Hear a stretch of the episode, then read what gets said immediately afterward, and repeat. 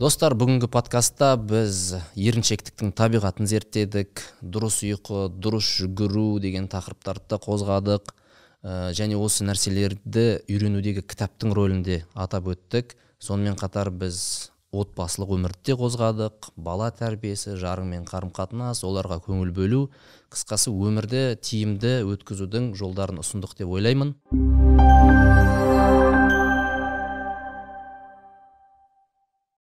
Азамат мырза ең алғашқы сұрағым осындай болып тұр. Еріншектікті сылтау қылу жалпы қаншалықты? Еріншектік патология ретінде қарастыру дұрыс па? Оның мысалы бір физикалық алғышарттары бар немесе психологиялық бала күнімде мынандайды көргеннен кейін еріншек болып кеттім ә, деп сыртқы факторлардан бір сылтау іздеу қаншалықты дұрыс? Және қазір ана ғылыми деректер соған көмектеспей ма? Аргумент қолдануға? Ақтап алуға ма еріншектікті? Иә еріншектікті. Енді өте көп фактор бар иә өте көп фактор бар. Ә, оның бірі адамның мінезі иә қалыптасқан бізде ә, фенотип деген нәрсе бар біздің өткен шағымыз кішкентай кезіміздегі. Генмен де келетін бар біздің ұлтымыздың тарихы бар менің өзімнің кішкентай кезімнің тарихым бар иә менің әке шешемнің берген нәрсесі бар. Соның бәрі қалыптасып келіп ә, бір қалай айтсам болады бағдарламалар қалыптасты менің миымда. И соның ішінде ә, ұзақ мерзімді бір жерде отырып жұмыс істеу қиын болуы мүмкін кейбір адамдарға. Енді былай жеңілінен бастасақ ә, мағынасын түсінбеу деген бар. Не үшін жасап жатырмын? Қазір егер мағынасын түсінбейтін болсам онда не істеймін мен оны жасап? Деген бар ол жеңіл түрі. Екінші зерттейтін болсақ ана кропотливость деген бір көрсеткіш бар. Пятифакторный психотипированиеде. И кропотливость жоғары адамдар бар табиғатынан. Кропотливость төмен адамдар бар. Бірақ бүкіл әлемнің алпыс үш проценті ортада екен. Жалпы бәрінің ортасында да. Ортасында орташа болады өзі де таңдай алады. А кропотливость жоғары адам бір нәрсені ұзақ мерзімде отырып істей алады. И ол оған өте ыңғайлы. Демек бұл табиғатынан берілген нәрсе ғой иә? Табиғатынан сөйтіп айтсақ бола ма? иә бірақ бұл маған сылтау болып қалмау керек өйткені мен оны түсіну үшін мен зерттеуім керек. Әйтпесе мен а менікі сондай екен ғой деп бұл маған сылтау болып қалса ол қашып кеттім мен. А мен өзім зерттеп өзім тану деген ол оңай нәрсе емес екен. Табу керек зерттеу керек сосын бір тесттер бар соның нәтижесінде қарап отырып а мен сондай екенмін ғой бөлек а былай отырып отырып мен түсіндім не үшін еріншек екенімді и басқа бір қыры маған бір тоже қызық болған қыры ол мынандай. Ә, бір броукен деген бағдарлама бар екен. Иә? Ә, метакогнитивный программирование дейді сол жерде броукен деген бағдарлама бар. И броукен деген бағдарлама бала кішкентай кезінен өзінің жеткіліксіз екеніне сеніп қалса. Ол айтады ә, мен бір нәрсе жеткіліксіз сияқтымын со мной че то не то дейді ғой и ол бала өскеннен кейін де ана іште белгілі бір пайыз тұрады е сенің қолыңнан келмейді ғой дегенше бұл, бұл ата анадан беріле ма жоқ туа біткен де болуы мүмкін ба? Осы сезім. ата анадан беріледі ә, немесе қоғам. Жалпы бүкіл қоршаған нәрсе. Қызық бір ә, фактор оқыдым мынандай. Ана сұрайды сұрақ мынандай да кішкентай балаңыз неге тәтті жақсы көреді? дегенше. И менің екі ұлым бар ойламаппын да мен бірақ шынымен бәрі жақсы көреді берсең сағат сайын жей алады да.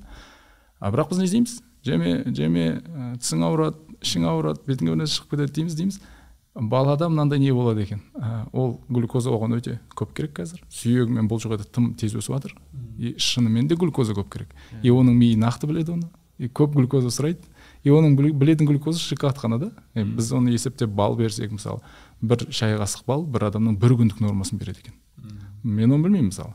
Мен істеймін жеме жеме жеме деймін и бала ойлайды менің табиғатым бүкіл денем тәтті қалап тұр а жеуге болмайды екен мына ақылдылар біледі ғой жеуге болмайды екен дейді да. И не дейді демек менде бір нәрсе не то ғой дейді да.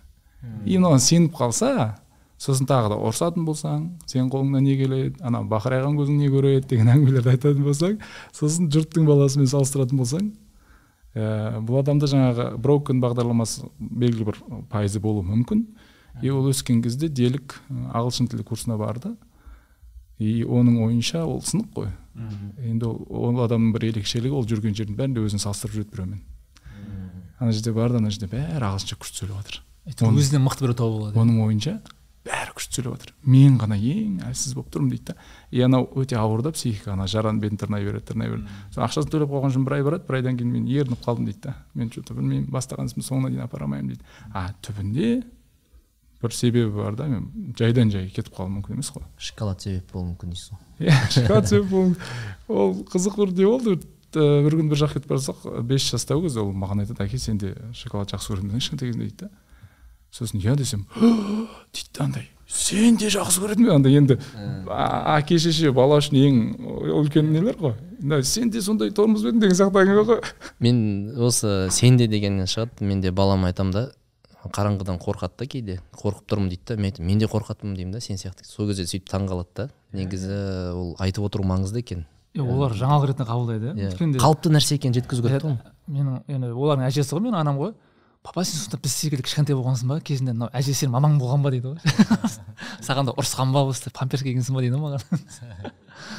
Мен бір нәрсе есіме түсіп кетті. Мен бала кезде ана бізде көк аспан қара жер деген газеттер болатын да. Әлде журналдар келетін үйге бала кезде. Сол кезде жұлдызнама беретін. Мысалы қой жылы туылғандар жылғы жылы туылғандардың мінезі немесе тау ешкі бағана бикеш деген жұлдызда жұлдызнамаға ие адамдардың бойындағы ортақ қасиет деген да. Сол жерде былай жазып қойған да мен енді тау ешкімін да бұл адамдар дейді да ешкіммен жұмсамаса екен деп тұрады дейді. Да и мен бұрыннан сөйтіп ойлаймын негізі мә әке шешемен жұмсамаса екен даладан отын әкел көмір әкел немесе малды айдап кел деп айтпаса екен деп тұратынмын бірақ сол ана кітапты оқыған уақытта жаман қайғырдым ба бірдеңе болды ана мені бәрі біледі екен деген сияқты ше. Соны қазір ойлап отырмын да демек бағана сіз айтқан нәрсе сәйкес келеді екен ғой деймін да. Мен енді туылғаннан кейін сондай мен ешкім жұмсамаса екен деп қалыптасқан жоқпын. Туылғалы бері сондай болып келген сияқтымын негізі ше. Бір ешкім жұмсамаса екен өзіммен өзім отырсам екен деген секілді. Ше И, оның шынымен де әсері болуы мүмкін иә? Шынымен де әсері болуы мүмкін. Ана толқындар бар біз сенеміз ғой қазір күннің толқындары бар иә магнитті толқындары бар айдың толқындары бар. Әсер етуі мүмкін. Бір шетінен ә, ана бір жерден мақала оқыған едім. Сен сол күні осындай болады екен деп оқи- оқисың ғой. Сеніп қалсаң ше бізде избирательный не бар ғой миымызда таңдап көреміз ғой біз ше. Керек нәрсені көреміз керек емес нәрсені ысырып тастаймыз ғой Е, көрмеген сияқты боламыз. И мен ананы ғана таңдап алатын сияқтымын да. Мен еріншекпін ғой сол үшін деген сияқты. Әйтпесе ә, кішкентай кезде мені малға жібермесінші деген бәрі менде де болды ондай ой тыныш қана отыра берейінші деп ше. Адам өзіне керегін таңдап алады ғой сонда иә? Ә, адам не да? Ә, сенсін сенбесін белгілі бір мысалы осы типаждар бар ғой. Яғни санмен шығарған болсын бір бір ортақ байланыстардың негізінде шығарған бір типаждардың үлгісі бар ғой. Ә, бәрібір біз секілді бізге ұқсайтын адамдар бар да. Мен соны бір студент кезімде байқадым. Оған дейін мен ойлағанмын бір менің қасиеттерім сипаттарым тек менде ғана бар. Уникал. Бір дарамын деп ойлағанмын сөйтсем дәл мен секілді мысалы ә, да қабілеттері сипаты дәл менікіндей мінезі дәл менікіндей қызығушылығы дәл менікіндей басқа адамдар бар екен да. Сол кезде мен түсіндім яғни адам енді біз уникальный дейміз бірақ сонда да бір ә, стандартный бір несі бар ғой моделі ал ары қарай сол модельден ары қарай өрбіп шыққан қасиеттер ғана өзгешеленеді сонда. Иә yeah. табиғат та әсер етеді ол бізге. Мысалы ә, тіпті біздің фольклорымыз мәдениетіміз немізге қараңыз өлеңдерімізге қараңыз қандай. Бізде ә, жазық дала атпен шауып келе жатырмыз. И біздің күйлеріміз қандай? И мен өмір асығып жүремін жау келіп қалуы мүмкін деген иә, сияқты. иә и біздің иә байқасаңыздар қазір тенденция сол тез білімді болып кетсем тез байып кетсем тез качок болып кетсем деген тез нетсем деген сияқты. Неге мен өйткен асығыспын? Мен табиғатым сондай. Біздің қыста күрт бук алады да минус жиырма бес болып кетті алдында иә. И біз оған дайын болуымыз керек та. А бір ә, теңіздің жағасында тұратын адамды көріңіз. Иә жайбарақат, иә? түріктердің музыкасын тыңдаңызшы. На на на на на на. Көбісі сондай ғой. Мен жақында қызық бір малайзияға ә, бір досым барып келді де айтады да анау не жоқ қой қыс жоқ қой. Табиғатта күрт өзгеріс жоқ. И маған қатты тиді дейді да ана бір нәрсе нетсең асықпайды аналар дейді да. Ана бір құжат әжейін бір құжат дейді. Соны үш ай күтіп жүрміз дейді да. Иә. Каспийден ала салатын бір құжат дейсіз. Иә асықпайды дейді. Сөйтсек табиғат солай да өйткені ана кісілерде өзгеріс жоқ өмірінде. Асықпайды ол? Ертең қыс болып қалуы мүмкін құрысын қыстық дөңгелегімді тезірек сатып алайын деген ой жоқ ол кісіде ше. Енді иншаллах арғы күні істейміз деген ой болуы мүмкін да. Жаңа менің бір қайын ағам африкада да негізі сол жақта жаңағы білім береді. Біз одан сұраймыз да қалай екен дейді да. «С- сендер ойлайсыз шығарсыңдар жаңағы африканың барлығы кедей бұларға көмек көрсету керек деп. Ондай емес дейді да бұл жақта мүлдем қыс жоқ дейді. Адамдар қысы жазы бір сланциямен бір шортикпен жүре береді. Банан төрт мезгіл пісіп тұр дейді. Яқ- яқ- иә, бір ақ мезгіл ол жақта. Бірақ банан қысы жазы жүз жыл бойы пісіп тұр дейді да. Бұл жақта қыстың қамын жаз ойлау деген тема жоқ дейді. Ертең не болып қалады деп ойлау жоқ өйткені кез келген уақытта жеміс жидек бәрі пісіп тұр дейді да. Сол үшін бұларда ешқандай қор жинамағаннан кейін қатты еңбектенбейді дейді да. Біз еңбектенбегеннен кейін әрине үйге ақша келмейді ғой негізінде. Біз сол үшін олар кедей деп ойлаймыз просто бұларда климат сондай олар ештеңеге алдын ала дайындалмайды деп айтады да. Сонда климат жалқау қылатын болып тұр ма? Былай ойласақ мысалы бүкіл бүкіл дамыған елдер ана табиғат қолайсыз болғаннан кейін соны жеңу үшін амал жоқ дамып кеткен елдер ғой негізі. Мысалы жапония болсын амал жоқ дамисың да. Амал жоқ мықты сал көпір саласың. Амал жоқ ә, мысалы жерің тар болғаннан кейін басқаларды экспансировать етесің деген секілді. Демек қолайлы жағдай әлсіз адам тудырады деген секілді ана цитаталар бар еді ғой. Негізі әзеке ә, қазақ жалқау деп жатады ғой бізде. Соған келісесіз ба? Және ол сөз қайдан шығуы мүмкін деп ойлайсыз? Енді әр жел соқпаса шөптің басы қимылдамайды ғой. Біз қазір осы тақырып қозғап жатырмыз ғой. Жалқаулық әдетте айтылатын сөз ғой. Әлде біз анықтаманы дұрыс бермейміз жалқаулық деген сөзді қолданып аламыз? Сөздік қорымыздағы бар сөз. Бәлкім оның түсіндірмесі басқа шығар бағанағы айтып жатқан фенотип климат қандай байланыс болуы мүмкін бұған? Иә қазақ жалқау деген келіспеймін келіспегенде былай нәрсе. Ә, қазақ деп айту үшін 20 миллион қазаққа мен айта алуым керек та. И байқаймын біз кейбір кезде бүйтіп айта аламыз иә. Е біз қазақтар кішкене кешіге береміз деп ше. И біз қазақтар деген кезде жиырма миллион қазақты құшақтап алдым да мен маған қорқынышты емес та өйткені. Жиырма миллион и бәріміз кешіге береміз ғой неге паниковать етемін е мен ғана емеспін ғой деген сияқты. И бұл менің психикама өте тәтті да бұл. Ана мен сипайды ше. Азамат сенде бәрі нормально. Просто сен қазақсың понимаешь? Жауапкершілікті ысырып тастадың. Жауапкершілікті ысырып тастадым. Енді сол жерде мен айтсам мен ше кешіге беремін десем ше мә өте ауыр маған. И осы кезде менде өзгеріс пайда болады. Е қой келесі жолы кешікпей құрсын деген сияқты ше. И жалпылама анандай анда да бір кісі айтады қазіргі мұғалімдер мен айтамын қанша мұғаліммен таныссың дейді.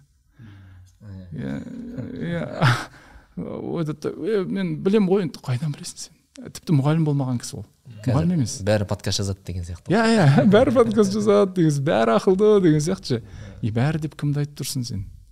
Ә, жақында мынандай әңгіме болды иә қазір біздің бір ұйымда айтады да бізде де ә, ажырасатындар көп болып кетті дейді да. Мен айтамын қанша адам деймін ғой көп қой дейді да қанша? сен тарайтын Иә, қанша сен көретін қанша? И үшеу дейді да. Вообще көп емес қой деймін да. Сен жиырма миллион халықтың ішін айтып жатрсың ғой сен деймін да. Ол үшеу сен білмеймін статистикада көп болса иә мен қарсы емеспін. Бірақ андай сөздерден қашуым керек сияқты андай. Иә бәрі ә, всегда сен всегда сөйтіп айтасың деген ше и всегда деу үшін сол жиырма төрт сағат айту керек ол соны. Деген. Демек бұл бір ақталу жолы болып тұр ғой. Қазақ жалқау дей салу ә, басқа ұлтта сөйтіп айтылады ғой мысалы. Иә бәлкім мен ә, ақылды шығармын. Мағынасыз нәрсеге энергиямды құртқым келмейтін шығар. Жалқау деп айта алмаймын ше өйткені мен ауылда өстім. Ауылдағы сыныптастарым бүкіл азаматты көремін ғой ше. Қысты қысы жазы бойы бір қимылдамайды да. Мысалы мен өзім мысал келтіремін. Біз жылына бір ақ бір ақ күн демалатынбыз. Даже бір жарты күн демалатынбыз. Ол жиырма екінші наурыз күні да. Түске дейін қара. Ыыы папаға айтамыз "Е, бүгін құлдың өзі еркіндік алған күн ғой бүгін демалайық та деймін да. Жоқ ана ана шөп тырмалап уже от жағып тастаңдар дейді да. Ертең арық қазамыз картошка егеміз деген секілді ше. Мал бар поля бар өріске мал айдау керек.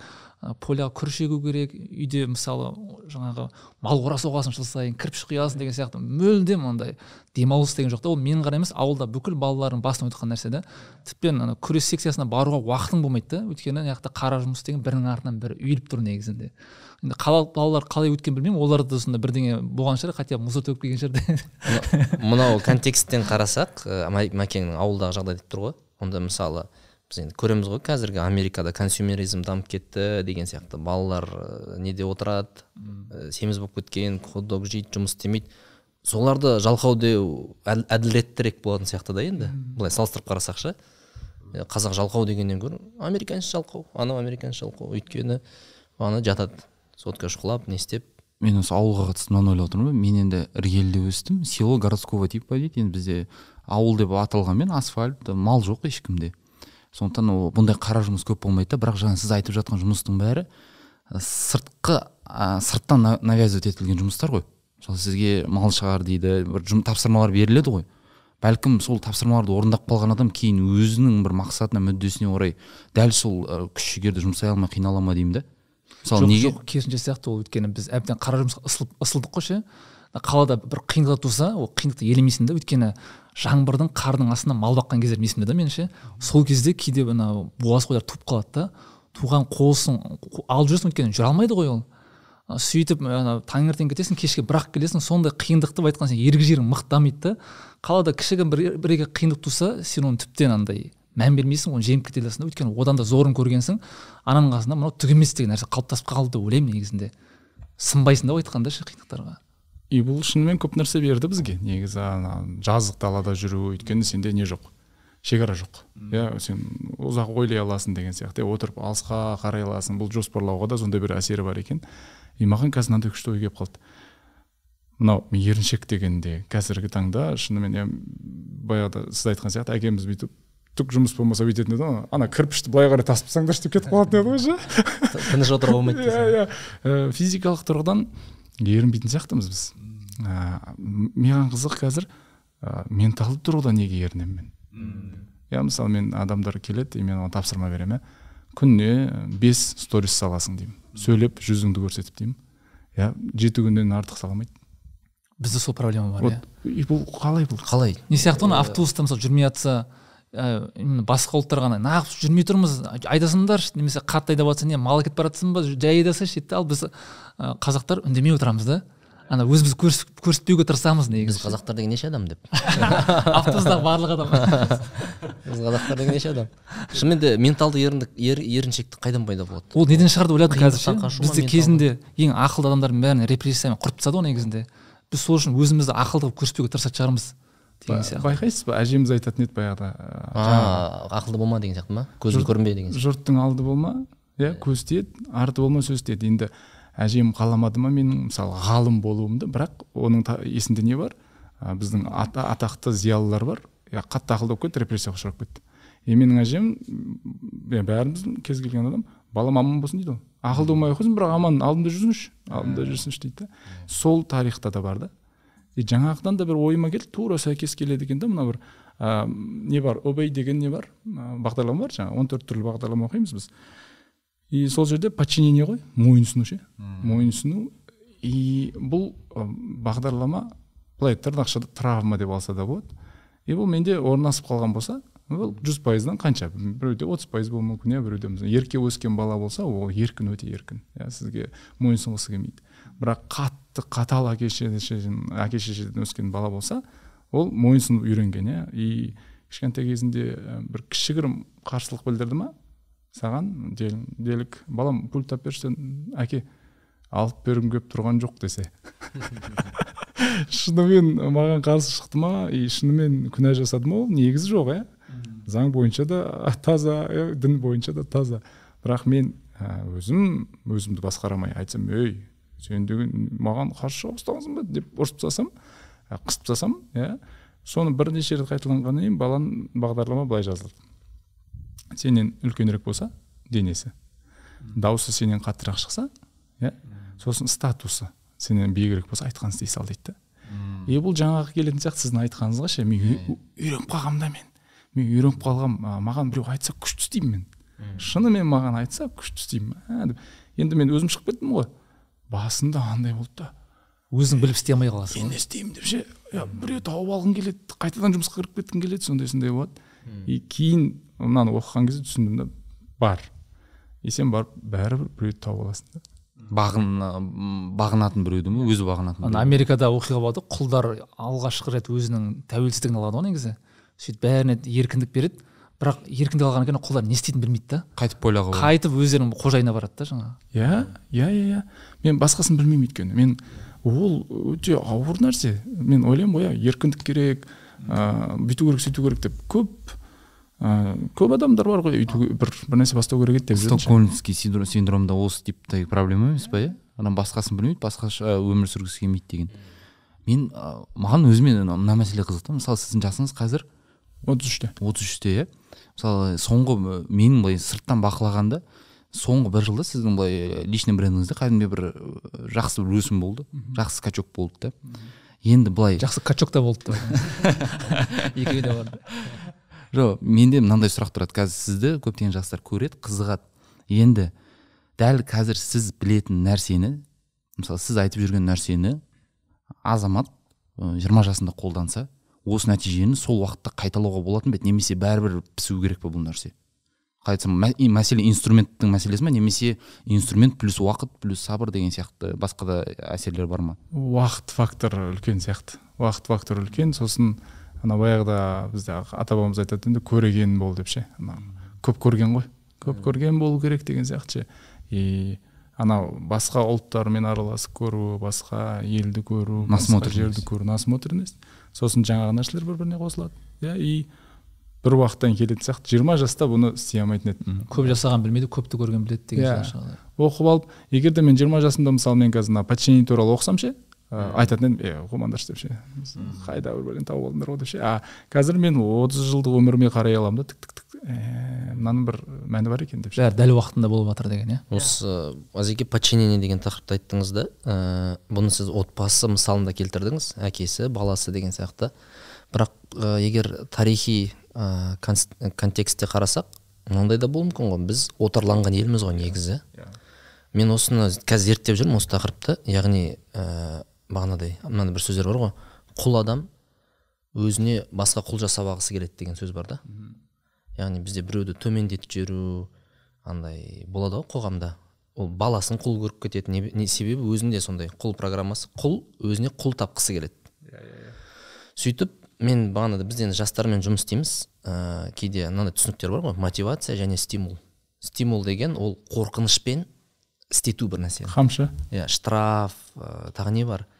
Қысқасы қамшылау арқылы оны істет, істетуге болады. Байқаған шығарсыздар курс жасаған кезде ә, егер істемесеңдер жоба курстан шығасың немесе осындай штраф десе адамдар істеп кетеді.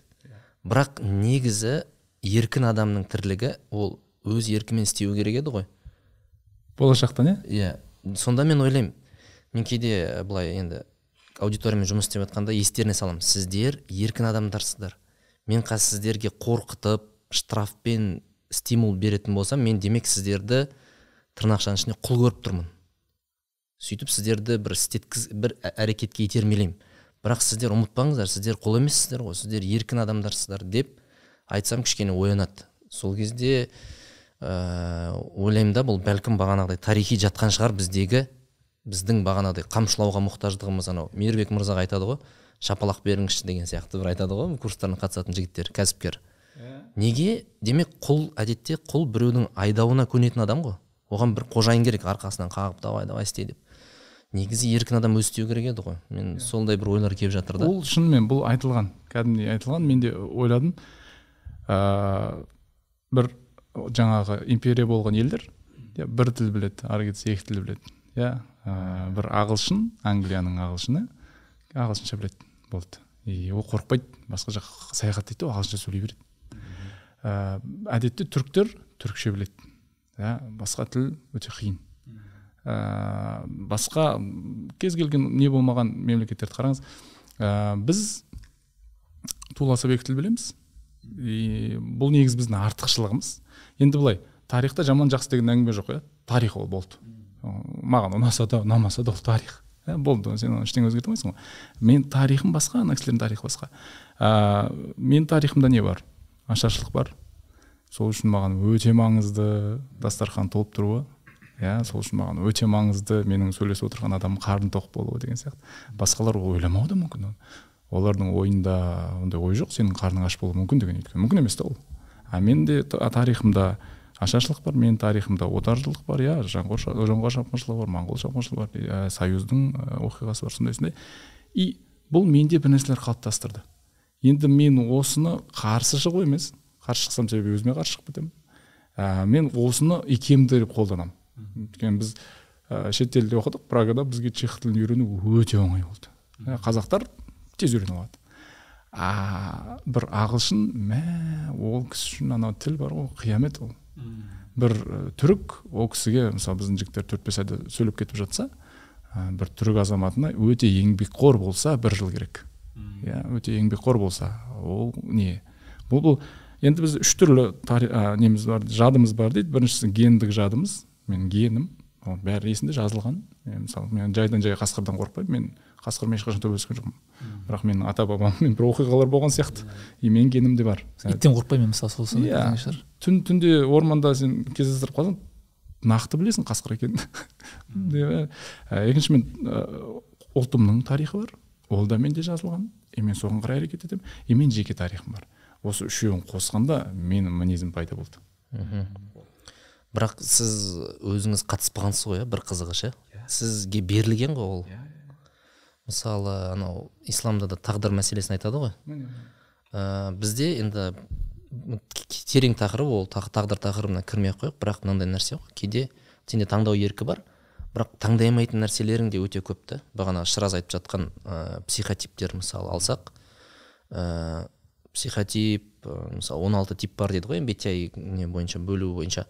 Былайша айтқанда сен өзіңнің кім болатыныңды таңдаған жоқсың ғой. Саған ол берілді. Бағанағы сіз айтқан факторлармен сен сондай болып келдің дүниеге.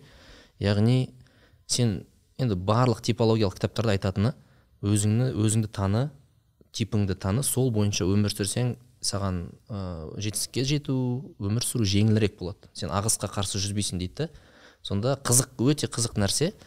Демек адамға былайша айтқанда жазылып қойған деген тема осы жерде да андай. Иә тағдыр. Тағдыр жазылып қойған жазылып қойған бірақ таңдау еркің бар.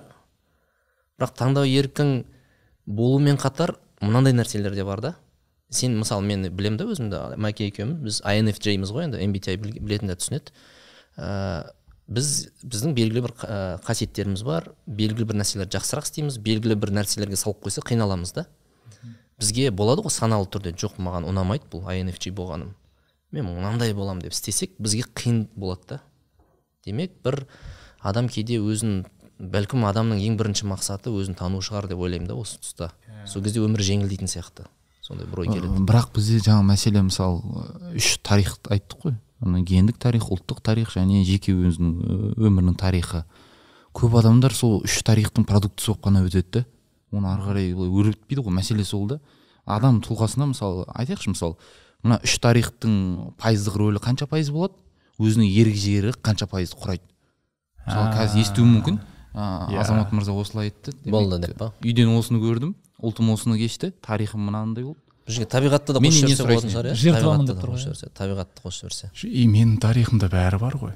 Ахмет байтұрсыновты ал мысалы қазір эйнштейн иә? Қазақ болған ба? иә. Иә мен батырларымды ал қобыланды батыр кім керек маған? Бәрі бар. Билерімді ал шешендерімді ал. Менде бәрі бар ғой мен нете алмайтын сияқтымын отмазка айта алмайтын сияқтымын. Менің тарихымда жоқ деп ше. Бәрі бар кім керек? Бай керек па? Бай. Сәкен сейфуллин ыыы ресейге жиындарға барған кезде адамдар таң қалады екен. Е мынау не деген мынау? Не деген мынау? Адам осындай сұлу бола ала ма деп? Осындай әдемі бола ала ма адам деп ше?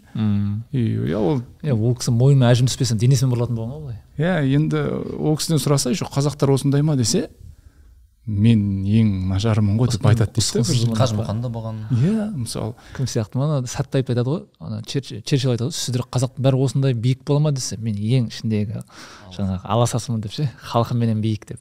Иә, и а, жаңағыдай отмазка айта алмайтын сияқтымын. Өйткені кім керек? Бәрі бар. Тарихымда бәрі бар. Еңбекқор ма? Еңбекқор білімді ма? білімді. И жағдай өте ауыр кезде сен білім алуың саған тыйым салынып тұрған кезде сен білім алдың. Саған құран оқу тыйым салынып тұрған кезде сен құран оқыдың. Иә сақтап қалдың дініңді діліңді деген жаңағы қазақилығыңды. Бізде мен достарым бар сол түркияда мысырда ә, дін оқып жатқан достарым бар. Сол жерде достарым айтады да қазақ балалар өте ықыласты өте зерек дейді да дін білімдерінде. Сол жергілікті жігіттерге қарағанда. Бұл да бір бағанағы генофонд қой. Бір, бір әсері бар да бұның. И күшті иә. менталды да менде бір сұрақтар бар сияқты да ше. Мен мысалы маған қазір барып досым келіп е бір бір тонна көмір түсіріп тастайықшы десе қатты бір уақытың болса е бір ерінбейсің ғой е жүр түсіріп тастайық деп. Қазір тіпті біз оған не деп қараймыз? Спорт деп қараймыз ғой иә. Қар тазалап тастау қазір маған ше спорт ол ше. Ауылға барған кезде әкем тазалап тастайық дейді әкеттік деймін ғой. А неге мен мысалы тұрақты тұрақты түрде подкаст түсіре алмаймын? Иә бір ай түсіремін екі ай түсіремін сонымен апта сайын шығару деген тіпті қиын болып кетеді. Иә бір уақыттарда мен неге сынып қаламын менің менталды сұрақтарым сияқты ол. Мысалы бір сторис шығардым ә, мен 2020-да бірінші рет сторис түсірдім. Үш жүз подписчигім бар. Мұғалім болғанмын ғой мен тоғыз жыл? Сол үш жүз оқушылар шығар оқушылар шығар. И енді смм үйрететін мектепте жұмыс істеймін да и маған кураторлар айтады да ағай сіз неге түспейсіз? дейді да. Сіз де сторис салсаңызшы дейді. И сондай бір жиналыс болып жатқанда айтты қазір салыңызшы ағай деді да. Мен енді бөлім басшысымын бір нәрсе істеу керек ұят болады енді қолым дірілдеп тұр да ана дауысым ұнамайды өзіме түрім ұнамайды анау мә түсірдім енді. Айттым қайырлы күн достар мен құдай қаласа бүгіннен бастап осылай ә, сторис түсіремін дедім да бүйтіп бәрін көрсеттім. И ол жақта ханымдар көп ә, жиналыста. Енді қарасам ұнамайды маған өшіріп тастағым келіп тұр ана ше. Ә, не айтып тұрсың деймін да. Қайырлы күн енесі қазір таң ғой. Иә. Анау не түрің бір андай бір қорқып тұрған сияқты бірақ ана бір рет өшіріп тастасам түсініп тұрмын да болды енді шықпаймын ше. Сонымен баса салдым жіберді. Ештеңе жазған да жоқпын жібере салдым. И бәрі бүйтіп бүйтпен жібереді ғой негізі. Ә, ең жақын достар ғана бізге ә, критика айта алады. Иә. Бастапқыда. И оны дұрыс аударып алу керек. Ол айтады маған бір досым жазып жіберді сен де бастадың ба? деп ше. Иә? Сен де блогер болып кеттің ба? деп. И ол мынандай сөз ғой бауырым шаба бер деген сөз негізі. Дұрыстап аударып алу керек ол тілін ше иә бізде кейбір кезде ана боқтаса да негізі мақтап тұрған сөз ғой сол сияқты. Ыыы дұрыс түсіну керек оны. Енді анау нәрселер маған қатты тиіп кетеді. Иә не үшін қатты тиіп кетеді себебі менің ә, белгілі бір пайыз сынықтығым бар мен өзім сынық екеніме сеніп қалғанмын да и сен де бастадың ба а не көрдің ба мен лайық емеспін ғой деген сияқты иә әркім өзінікін көреді негізі сіз сен де бастадың ба деген өзіңізге өзіңіз алдын ала айтып тұрсыз ғой бағана просто қайталағаннан кейін келісіп тұрсыз болып тұр ғой иә менің ішімде ол бар ғой ол дауыс бар ғой менің ішімде айтып тұр ғой ол иә азамат сен лайық емессің анау соны дәлелдеп қойды и мен психикам рахаттанды ғой. Енді осыдан қалай қалай шығу керек? Енді қалай шықтыңыз осы ситуациядан? Сторис түсіре беру керек па? Осындай жыртықтарды қалай жамау керек деген сұрақ қой. Иә, практика сияқты практика практика практика практика и керісінше нәрсені өзіне дәлелдеу керек беру керек қой иә? Иә дәлелдей беру керек. А, пәленбай адам айтуы мүмкін иә рахмет. Иә күшті мотивация алдым бір бәле. Бірақ а, қант іштің ғой деп жазатындар да бар. Күнде рилс деп. Иә енді жатайын деп жатсақ нұрлан қоянбаев та айтады ғой ең алғаш студент кезімізде квн ға шыққанда ешкім күлмеген дейді да масқара болғанбыз дейді да қазір мысалы бүкіл ресейге бүкіл тмд ға танымал болды да. аузын ашса күле береді дейсің ғой иә иә. Мен бағана айттыңыз да осы қызық тақырып. Ә, менталды ма басқа ма? Бізде шынымен де ұзақ мерзімде шабу деген бізде кішкене аздау бағанағыдай ше. Ұзақ ә, сторис түсіру ұзақ бір жобаны жасау ол бәлкім бағанағы табиғат факторының да бір әсері болуы мүмкін шығар. Бағана климат тез ауысады біз ішіміз тез пысады. Бізге үнемі бәлкім бізге марафоншы емес спринтер болу керек шығар. Өмірде қа- қазақ халқына бір сондай ойлар келеді да маған. Бірақ мысалы біз енді кайдзен дейміз басқа дейміз басқа жұрттың қызығамыз ғой. Жапондықтардың біз бағана марафоншылдығына сүйінеміз сүйсінеміз да олар ұзақ істей алады бір нәрсені жалықпайды мысалы. Анау тіпті тіпті бір каллиграфия бір әріптің өзін бір бір сағат бойы жазып отыра алады деген сияқты. Бізге бәлкім мынау табиғат факторын да ескеру керек шығар. Біздің тез ұзақ марафоншы бола алмауымыздың. Әлде бола аламыз ба? Қалай ойлайсыз? Біз марафоншы бола аламыз ба осылай? Бола аламыз. Анау біз шынымен жаңа сіз айтқан сияқты табиғатымыз шынымен күрт өзгеріс қой біздің. Шұғыл континент иә. бірден. Суық болып кетеді. Минус қырық плюс қырық. Минус қырық плюс қырық и мен шынымен әсері бар сияқты әсері бар сияқты. Бірақ дисциплинамен ыыы істей аламын өзгерте аламын и дисциплина дегенде бір кісілер айтады ыыы жиырма күн істедім түк шыққан жоқ и бізде ә, ағзамызда липостат деген нәрсе бар. Ол тоқсан күнде біздің ағзамыз солай сенеді. Мысалы мен мына қазіргі салмағым 90 күн осылай тұрса менің ағзам былай айтқанда галочка қояды. Азамат сенің салмағың 89 болды. Енді плюс минус бір екі килограмм ойнай аламын а мен ә, делік 120 килограмммын и мен бір айда 40 килограмм тастадым мысалға. Ой супер. Жан жағымдағылардың бәрі мақтайды «Ой, Мерседес ұтып алдыңыз иә, спорттан». супер. Күшті болды иә иә. Күшті болды дейді. Сен анау миыма қойылды ғой тың галочка қойылды ғой. Мақсатқа жеттік қой. Не істейміз енді қиналып дальше. Сонымен ақырындап байқатпай астыға кетеміз теория финишный черты дейді ше бұны. Ақырындап байқатпай астыға кетемін да. И бір екі үш айдан кейін қайтадан жүз жиырма болып жатқан кезде «Е, не болып кетті деймін да. А тура сол салмақта егер де мен тоқсан күн ұстап тұрғанда бәлкім. И мен қазір мынандай бір ұсыныс айтып жатырмын да адамдарға андай ә, давай тоқсан күн істеп көрейік сен айтып жатрсың ғой менің қолымнан келмейді маған ұнамайды деп деймін да тоқсан күн істе сосын бір отырып анализ жасайық. Маған керек па керек емес па менікі ма бұл іс менікі емес па деген сияқты. Үзбей ғой тоқсан күн. Иә тоқсан күн үзбей ііі үзбей дегенде андай нейрон жұмыс істесе болды иә мысалы жүгіремін десе сен күнде жүгіруге болмайды зиян ағзаға. Негізі спорт кішкене зерттеп кіру керек ше. Өте көп ыыы қауіп бар негізі спортта. Жай, далаға шығып жүгіре салғанда да біз зиян келтіріп алуымыз мүмкін өзімізге. И соны тоқсан күн күнде жұмыс істеу күнде жұмыс істеу деген күнара ғана жүгіресің. Аптасына үш ақ рет қой. Бірақ қалай мен жеті күн мен миымда жүгіру нейроны жеті күн жұмыс істесе болды. Ол туралы кітап оқу мүмкін ол туралы біреумен сөйлесу мүмкін ол туралы видео көру мүмкін. Көбі тікелей түсініп алады ғой Иә. жүгіру деп.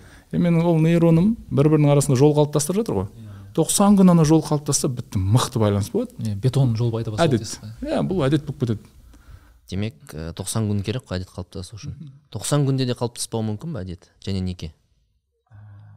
Болды ма сізде ондай кейстер? Бір тоқсан күн бойы ме- менде есімде бір жігітке енді айтып көргем. Орысша білмейді сосын айттым. Түсінбесең де 45 күн бойы мынау орысша кітапты дауыстап оқи бер дедім. Маған қызық болды нәтижесі. Мен менің теориям бойынша ешқандай ғылыми негізделмеген қызық болды сөйлеп кететін шығар деп. Сөйтіп ана жігіт ерінбей қырық жиырма минуттан күніге 45 ыыы қырық бес күн бойы орысша кітап оқыған дауыстап. Сөйтіп келді не болды десем ешқандай өзгеріс жоқ дейді. Сондай бір қызық нәрсе болды. Әлде ол мән бермеді ма? Жоқ. Мен енді ойлағанмын ғой қазір енді қырық бес деген сұмдық қой. Орысша оқи берсе бір нәрсе қалыптасатын шығар. Данияр оқы деп айтты деп оқыған шығар мүмкін үйрену үшін емес білмеймін енді иә. Анда бір анда бір зерттеу бар болатын ә, бір ағылшындар жас- жасайды ә, әр әдеттің ұзақтығы қанша уақытқа созылады деген секілді. Сөйтіп оңай әдеттерден ә, ең қиын әдеттерге дейін әртүрлі адамға береді да сен күн сайын су ішу әдетін қалыптастыр сен таңертең ерте тұру әдетін қалыптастыр деген сияқты қиындары бар. Немесе сен күн сайын дәретханадан шыққан уақытта он рет отырып тұр деген секілді оңайлары да бар. Сөйтіп бәріне зерттеу жасап кейін ә, кімде әдет қанша уақытта қалыптасқанын зерттейді да сонда біреулеріне жаңағы уже кәдімгі үш апта жиырма бір күн жеткілікті болған ал кейбіреулеріне уже екі жүз елу күнге дейін ә, уақыт қажет болған екен да. И соңында мынадай қорытындыға келіпті да бұл жерде күннің ұзақтығы емес сол әдеттің қаншалықты жиі қайталанатынына байланысты әдет қалыптасады деп жазып- жазыпты сондай қорытындыға келген екен да. Яғни анда санда домбыраны бір шертсең бәрібір күй тарта алмайсың деген секілді. Ал күн сайын уақыт бөліп отырсаң уже миыңда жаңа сіз айтқан секілді нейрондар қалыптасса ол кезде жаңағы бір әдеттің қалыптасуы да оңайырақ болады деп сондай бір қорытындыға келген екен да. Бұл жерде эмоция образ дегендер де маңызды сияқты. Мысалы ә, егер ол адамның жалпы өзін қабылдауында өзінің өм- өмірінде ерте тұратын адам деген образ болмаса оған әр өзін таңертең ерте тұруға мәжбүрлеуі бір қиындық туғыза беретін сияқты. Мысалы әзеке сіз өте бір жарқын мысалсыз. Қанша жыл болды? Қанша қаншадан қаншаға дейін тұрып жүрсіз? Қалай? Сегіз жыл шамамен он жарым төрт жарым арасы ғой оған дейін қалай болды? Сегіз жыл. Оған дейін андай болды бірақ ше андай сегізде ұйықтап қалып бала шағамды есте есте есте іздеп садикке кешігіп мен жұмысқа кешігіп ондай кездер болды. А, осыны айтып беріңізші. Өте қызық мысалы. Мәкең екеумізде бір қанша жерден дисциплина әдет деген тақырып зерттесек те бізге әлі күнге дейін ерте тұру қиын. Мен анам айтады сен кішкентай кезде сондай едің дейді. Андай жатпайсың кешке таңертең садикке әрең тұрасың деген сияқты. Бірақ мен қазір балам бар ол екінші ұлым. Ол ерте тұрып алады оған тұру оңай. Осы табиғат па әлде жоқ қазір біз ақталуға не жатқан жоқпыз бірақ ә, сіз айтыңызшы қалай осыған жеттіңіз қиын емес пе бәлкім менің ойымша сізде бір образ пайда болған сияқты. Ерте тұратын азамат және содан бір ләззат алатын сияқтысыз да ерте тұрудың бір дәке сұрақ- сізге жеңіл ма әлде олай тұру деген секілді? Дәке сұра- сұрақты құрастыру барысында ақталып қойды ғой уже. енді білмеймін енді ақталмайтындай ә, ситуацияға түсіріп қойса ба мен білмеймін. мен ойлайтынмын ә, жоқ любой адам тұра алады деп ойлайтынмын. Иә анау жаңағы робин шарманың клуб пяти утра дегенді оқып алғанбыз таңғы бесте. Сосын мен таңғы бесте үш ай ә, біз не жүргізгенбіз? Андай жиналамыз спорт залға таңғы бесте. Тоқсан күн үш ай. иә бір он екі адам басында тіркелді. Таңғы бесте барамыз бір спорт залмен келісіп алғанбыз он бес минут кітап оқимыз 15 минут ә, жоспар құрамыз шүкіршілік жазамыз. Сосын жарты сағат мен сабақ өтемін сосын бір сағат тренер келіп бізге тренировка жасатқызады. Үш ай. Мә қысы жазы. Қысқа келіп қалды сол қыста келіп қалды. Соны бардық. Үшінші ай ә, үш адам қалдық. содан кейін ә, мен анау кезінде курс жасағам таңғы алтыда өтемін. Ә, ұйқы курсы. Жігіттер күледі ерте ояну курсында ұйықтап қалғансың ғой деп. И ол жерде де бір отыз адаммен бастасақ ыыы өзі алты апталық курс. Соның шамамен төртінші аптасынан кейін бір жеті сегіз адам қалады да.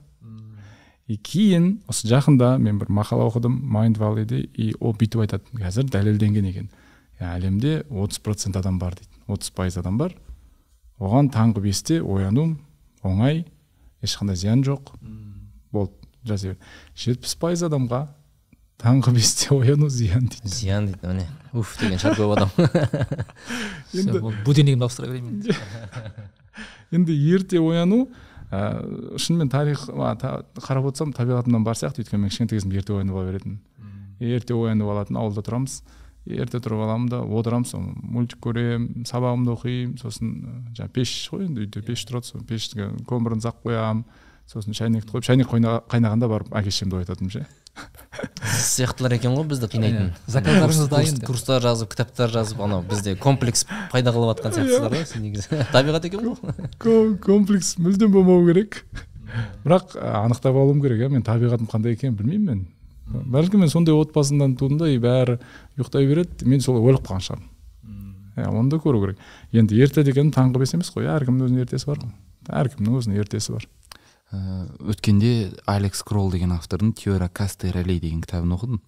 Ол жерде сол таптар туралы айтады. Күшті иә ә, төмен тап орта тап жоғары тап деген секілді. Және әр тапқа сай сол тапта өмір сүретін адамдардың рөлін сипаттайды. Ә, енді маған қызығы былай да бізде енді айналамызда адамдарды көріп жатырмыз да кейбір тақуа адамдар бар. Маған мына дүние қызық емес қатты жетістік те қызық емес біреудің мойындауы да қызық емес деп енді азға қанағат ететін адамдар бар. Немесе екіншіден андай успехқа нацеленный адамдар бар. Жетпесем болмайды қалай болмасын деп. Сіздің аудиторияңызда көбісі сондай шығар жетпесем болмайды деген әйтпесе осы күніме шүкір деген адам көбінесе ондай қарай бермейді ғой. Ә, сосын оны- аха, айт. сол айтайын дегенім бұл ақталу ма? Мысалы ана алекс кролл айтады сен қала қалама жақсы еркін өмір сүргің келсе барынша таптан жоғары көтерілуге тырысуың керек дейді. Иә сен өмірлік өсу керек дейді. Иә өсуің керек дейді. Ө- ә, сен ө- ә, мен басқаны басқарғым келмейді мен көп ақша тапқым келмейді деген емес. Сен өз өміріңді қаншалықты басқарғың келеді деген сұрақ дейді. Сен қаншалықты төмен болсаң соншалық басқалардың ығымен кетесің дейді да енді осы мәселе қалай бізде ә, сіз өзіңіз қалай ойлайсыз жалпы? Адам көтерілу керек па? Немесе адамға қай позиция комфортный болса сол жерде қалу керек? Жалпы төмен позиция комфортный дейтін адамдар бар ғой. Олар шын айта ма?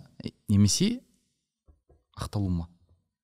Па шіркін жоқ мен маған қызық та. Мен кейде ойлаймын адам көреді көреді болмаған соң ә, болмай жатыр екен давай мен бұл өзімнің таңдауым деген позиция ұстанайын деген сияқты. Типаждарды өзім елестетемін да сұрағының өзі мақала ғой кәдімгі. Жоқ қызық. Бір күні ә, мен бір оныншы сынып па екен сегізінші сынып па екен. А тоғызыншы сынып па оныншы сынып па сондай. Енді мен ә, нағашы атам молда ауылда шымкентте. И ол кісінің үйрететіні бар несі бар сол кезде бір иманға қызығып жүрген кез ана айтады ғой бастапқыда ана иман енді намаз оқығанда ана ә, иманың тікірейіп жүреді дейді ғой сен бәріне айтқың келеді ше бауырым бүйтіп істемесейші деген сияқты. Сонда бір периодта ыыы бір күні мен мынандай ой қиналып кеттім сабақтан обт ға дайындалып жатырмын ба немесе гос ға дайындалып бір нәрсе қиналып кеттім жақсы оқимын негізі беске оқимын ыыы тұрдым да бір күні айттым ұстазыма аға дедім «ә, мен сабақты тастаймын дедім е не болып қалды дедім «М- мен жаратылысымның мәні құлшылық ету болса не үшін мен мына физиканы оқып жатырмын мен? Мен бәрін тастайын да мен медресеге барып құран жаттап жүрейінші аға деймін ғой ол кезде таяқ жегенмін жаман таяқ жегенмін ол кезде ұруға болатын еді неге түсіретін телефон жоқ дейсің иә түсіретін телефон жоқ ол кезде мүлдем телефон жоқ. Содан кейін ыыы түсіндірді. Енді қазір де енді бәлкім ол кезде олай түсінбеген шығармын бірақ бізде тәфәккүр деген нәрсе бар. Иә исламда біз тәфәккүр ете алуымыз керек алланың жаратылысына таңғала алуымыз керек. Енді мен ше ә, күн туралы түк білмесем ше мен тәфәккүр ете алмайтын сияқтымын. А күшті. Дәу ыстық лампочка дейсің ба? Не дейсің оған? Иә сен ана білмеймін секундына сексен тоғыз мың тонна гелий бір бәле болады там бір миллиметр жақындап кетсе андай болады мындай болады. Осындай сен ге- географиядан білсең сен таңқала аласың да. Мәссаған деп ше. И сен түнде айға қарап «М, лампочка светильник иә оның да бір хикметі бар анау бар мынау бар деген сияқты. Енді мен физиканы білмесем химияны білмесем несін? Ә, мен таң қала алмаймын мен тәфәккүр ете алмаймын. Ә, тауға барып бір сағат тәфәккүр ету деген ше өте қиын нәрсе ол. Сен ағаш не деген алып ағаш машаллах. Тау дәу тау. Иә білмейсің ғой сен. Иә плюс оған енді енді бұл мына бағыттағы не әңгіме жаңағы иман болса болды маған басқа ештеңе керегі жоқ деген иманды да мен терең түсіне алмайтын сияқтымын білімім болмаса. Өйткені әлем мен қаласам да қаламасам да химия. Иә менің ішім мен қаласам да қаламасам да химия иә. Ол олар ана біздің тоқ ішегімізде үш жүз миллион түрлі бактерия бар дейді біз атын да білмейміз. Үш жүз миллион түрлі ат ойлап табу да қиын шығар. Иә түр ол иә. Сондай сондай нәрселерді мен ә, зона комфортада отырып ей мен құран жаттай берейін болды деп сен ода да терең түсіне алмайтын сияқтысың егер білім болмаса. А енді зона комфорта маған өте ыңғайлы. Неге өте ыңғайлы? Өйткені менің миымның тапсырмасы менің амандығым ғана. Былай бүйтіп айтайын. Менің генімнің амандығы иә. И менің генім менде бар и менің баламда бар. Мен қорғаймын. Иә менің бала шағам да бар немерелерім де болады ертең мен сол үшін қорғаймын. А, бұл автоматом жазылып қойған. Қаласаң да қаламасаң істейсің оны. Иә кейбір нәрселер бізде амигдала деген бөлім бар миымызда білесіздер ғой и ол жерде защитный механизм бәрі жасалған.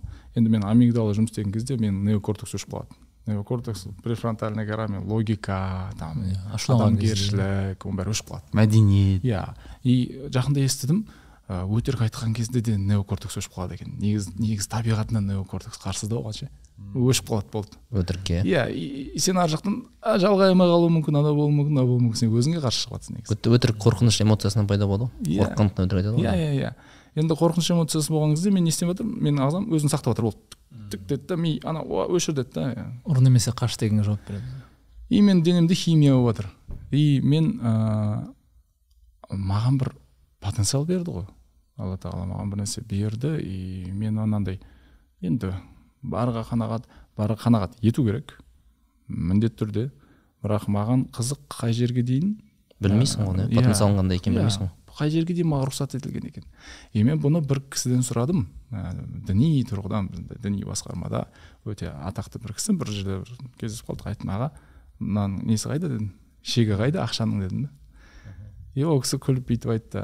Азеке деді «ә, біз мына бір екі жүз жиырма вольтты елестетеміз ғой сол соны білеміз ғой дейді да. И ойлашы екі жүз жиырма ол бір пайызы ғана дейді да. Сенің қазір ыыы мына жақта істей алатының жете алатының бір пайыз ар жағында тоқсан тоғыз пайыз бар әлі дейді сен жыртылып кетсең де бәлкім бір пайызына жетесің деген сияқты қойды да. И маған ұнады маған ұнады. Енді екінші жағынан мен болашақ жоспарлаған кезде андай ыыы, жүз арман жаз дейміз иә. Қиын жазу. Бірінші жазған кезде қорқып кеттім мен. он жетіншіге келген кезде күлдім мен. «Е, қой азамат деп. Қудың ғой деп пе ана?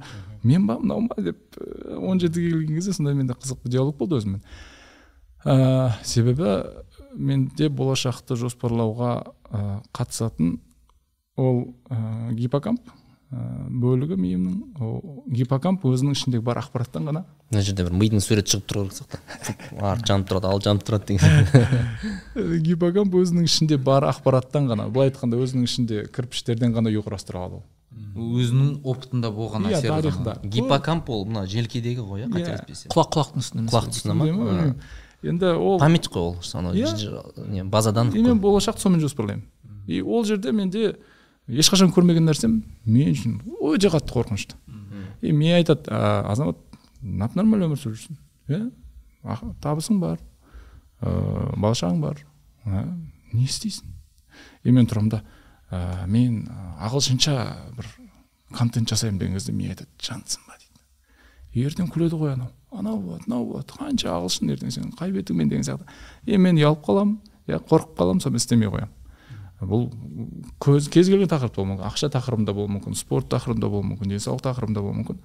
Мен білмейтін жерімнен қорқамын бірақ білмейтін жерде қауіпті деген шарт емес. Негізі мына нәрсені сіз айтқан кейінгі бес минуттағы нәрсені адам түсініп алғанның өзі ол да бір өмірінде ә, жеңіл тудыратын сияқты иә сол үшін көп саяхаттау керек деген нәрсе ғой негізі иә. Жоқ мына білімнің өзі былай айтып тұр ғой. Демек сенің потенциалың ә, сен өзіңді шектеп жатырсың. Біз біздің тілмен айтқанда ар жағын көрсейші деген сияқты ғой. Иә көріп көрсей не бар екен деген сияқты бір ә, еркіндік сыйлайтын сияқты да. А саяхат тағы басқалар олар андай бір бекіту үшін сияқты да. Де- демек бізде былай ғой. Бір адам мынау этапта тұрып қалуы мүмкін. Бірақ мына нәрсені түсінген адамның өзі ол біліп тұр ғой ойша. Ана жақта күштірек менің күштірек нұсқам бар әлі. Деп бір қадам жасауына ол көмектесу керек қой бұл нәрсе жалпы бұл түсінік бұл білім. Иә. Анау шектеу шектеулер ғой әйтеуір. Иә мен мен үшін әлемдегі мен көрген ең үлкен мешіт астанадағы әзірет сұлтан болуы мүмкін иә. Мәдинаға барасың да сенің ана басындағы шектеу быт шығып кетеді да ана а деп қаласың да?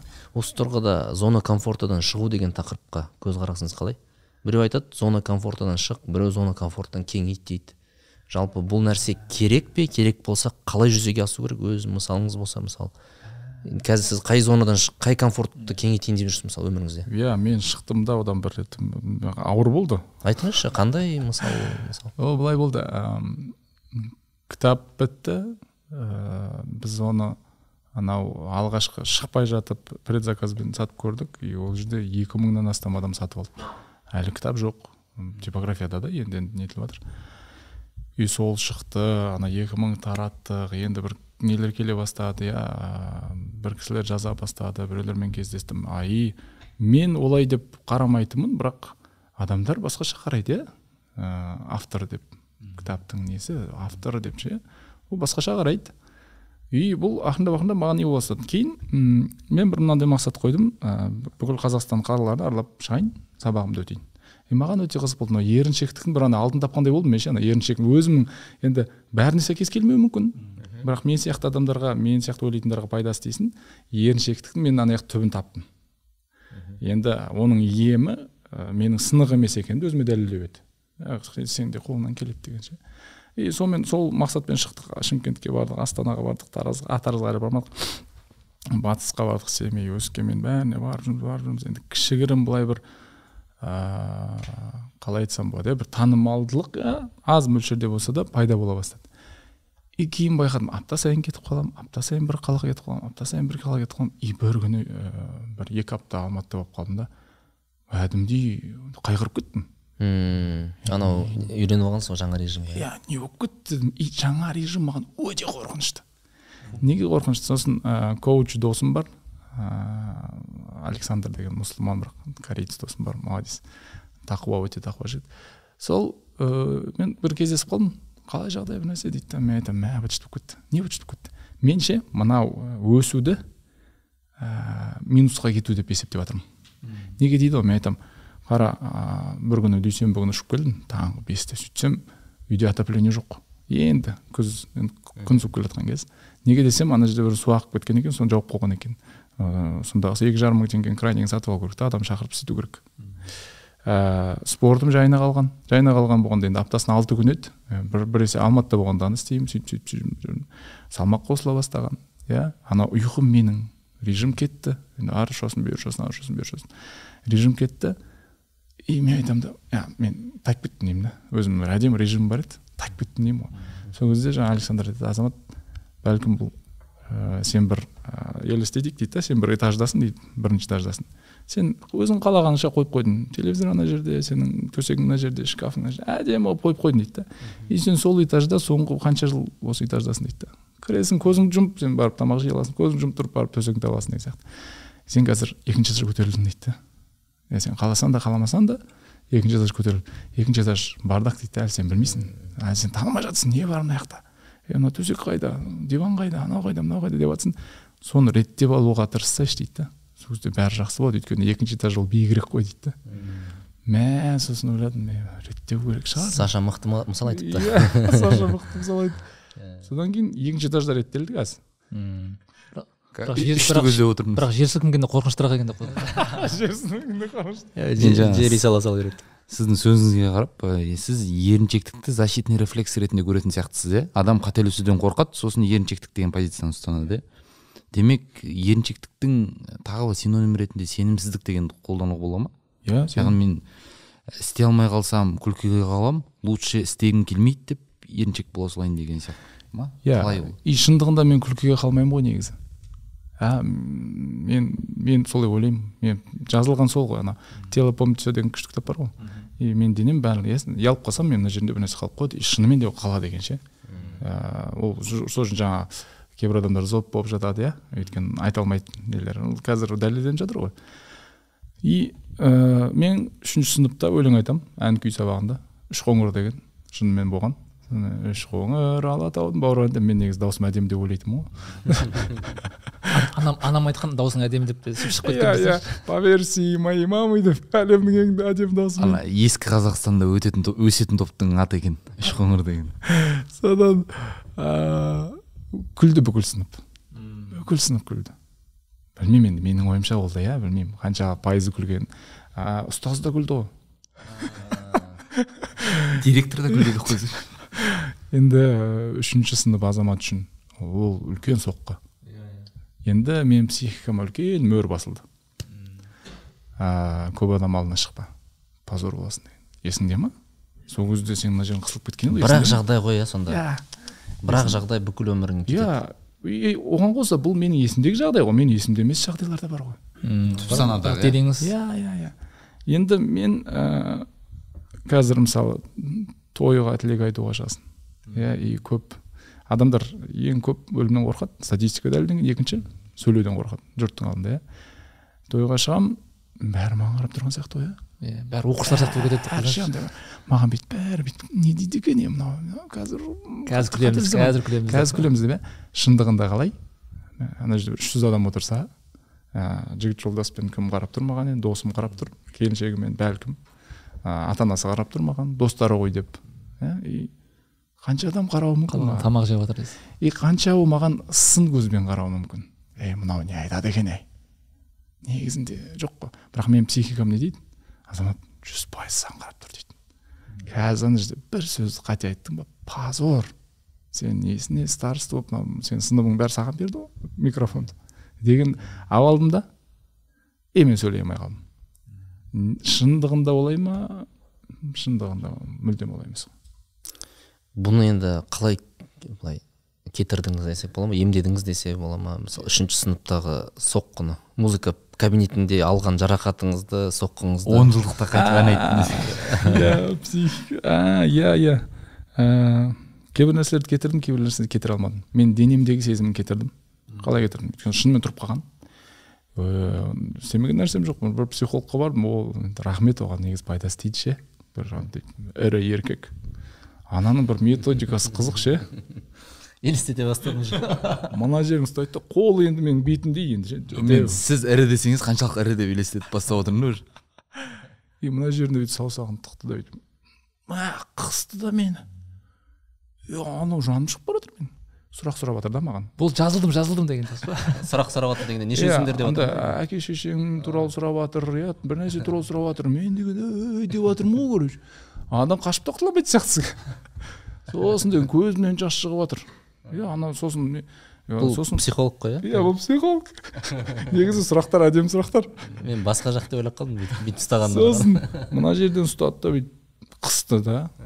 Сонымен бірнеше нүкте сосын мына жерінде есімде мына нүкте бар ғой. Сол жерге бүйтіп мені жерге жатқызып қойды да бүйтіп жұдырығымен ше басып тұрып бір сұрақтар сұрады. Енді ана жерде қара тер мен деген жылап жатырмын сосын бітті бәрі. Сұрақтар да сұрап жатыр енді жауап беруге тырысып жатырмын білмеймін. Сосын отыр отырғызып қойды қарама қарсысына жеңілдеп қалдым ба дейді мен жеңілдеп қалдым да бірақ мен түсінбей тұрмын да анау менің үстімнен түскені үшін жеңілдеп қалдым ба мен? Менің психологиям жеңілдеп қалды ма білмеймін или қорқып тұрмын ба білмей қалдым дейсіз ғой. Жеңілдедім жеңілдедім аға рахмет күшті болды бәрі деп кетіп қалғым келіп тұр ма деп иә. Жоқ содан кейін денедегі нелер шынымен кеткендей болды. Ыыы бұрын сезетінмін андай түйіліп қалады бір ше қазір жоқ. Бірақ ыыы мына нәрсе де рас нәрсе. Ыыы эмоция бар ғой. И ол мен қаласам да қаламасам жұмыс істейді да. И менің осы осы жылғы өзіме ашқан алдыңғы жылғы өзіме ашқан бұл үлкен бір жетістік болды. Эмоция туралы мен мүлдем білмейді екенмін. Ыыы бізге тапсырма берді ана канадада оқуда тапсырма берді бір бес кітап берді эмоция туралы. Оқып көрдім мәссаған мынау. Сондай екен ғой. Атын айта аласыз ба? Біз кітап алып подкастпыз ғой біз. А, иә. сұрауы мүмкін да ол қазір есімдегі мысалы ыыы несовершенство деген кітап бар. Біреу біреу. Сосын любить то что есть деген кітап бар. Иә менің есімдегі. Ыыы кейінгілер есімде жоқ бірақ айтайын кейін. Кейін Иә. құрметті тыңдарман астына жазып қойсаңыздар болады. Э, иә басқаларға пайдаңыз тисін иә иә. Енді мен сұраймын. Ыыы бар мен танитындар біледі ғой анау оффлайн тренингке қатысқандар. Сұраймын мен. Эмоция деген не деймін адамдардан біз білмейміз. Не екенін білмейміз? Бәрін бүйтеміз иә сенің жаңағы ашуланып кетіп бір ұруың біреуді айқайлап жіберуің бұл эмоция емес бұл реакция ғой. Сенде ішіңде бір эмоция бар. Ашуланып кеттің. Реакция сен бір ұрдың сенің жылауың дейді. Жылау ол реакция. А мен қайғырдым бірінші. Қайғырғаннан кейін мен жыладым. Иә реакция. Енді реакциямды мен басқара алады екенмін сен шешім қабылдайсың. Жылайын ба жыламайын ба? Ашуланып кеттің. Айқайласайын ба айқайласпайын ба? Шешім қабылдай аламын мен. Иә? Сабыр етейін ба? деген сияқты иә. А эмоция мен қаласам да қаламасам да жұмыс істейді. И алла тағала маған бұны үлкен хикметпен берді. Әр эмоцияның бір сұрағы бар екенін менен сұрайтын. Иә осы жерде деген. Мысалы қорқыныш эмоциясы азамат мына жерде саған физикалық қауіп бар ма? Жоқ. Эмоциялық қауіп бар ма? Иә біреу мазақтауы мүмкін ба? Иә жоқ. Сол кезде сен қалпыңа келесің. Бірақ ә, кез келген сахнаға шыққан кезде алғашқы бір екі минут мен қорқамын. Әлі. Әлі қорқамын и менің ағзам менен рұқсат сұрамайды «Е, қорқа берейік па? деп. Қорықпа десең. Андай ұяла берейік па? Ұялма ұялма дейсің бір қызарып кеткенсің иә а сіз енді бұны жеңе аламын деп ойлайсыз ба? Әлде осылай жалғаса бере ма? Қалай ойлайсыз? Эмоция бәрібір болады.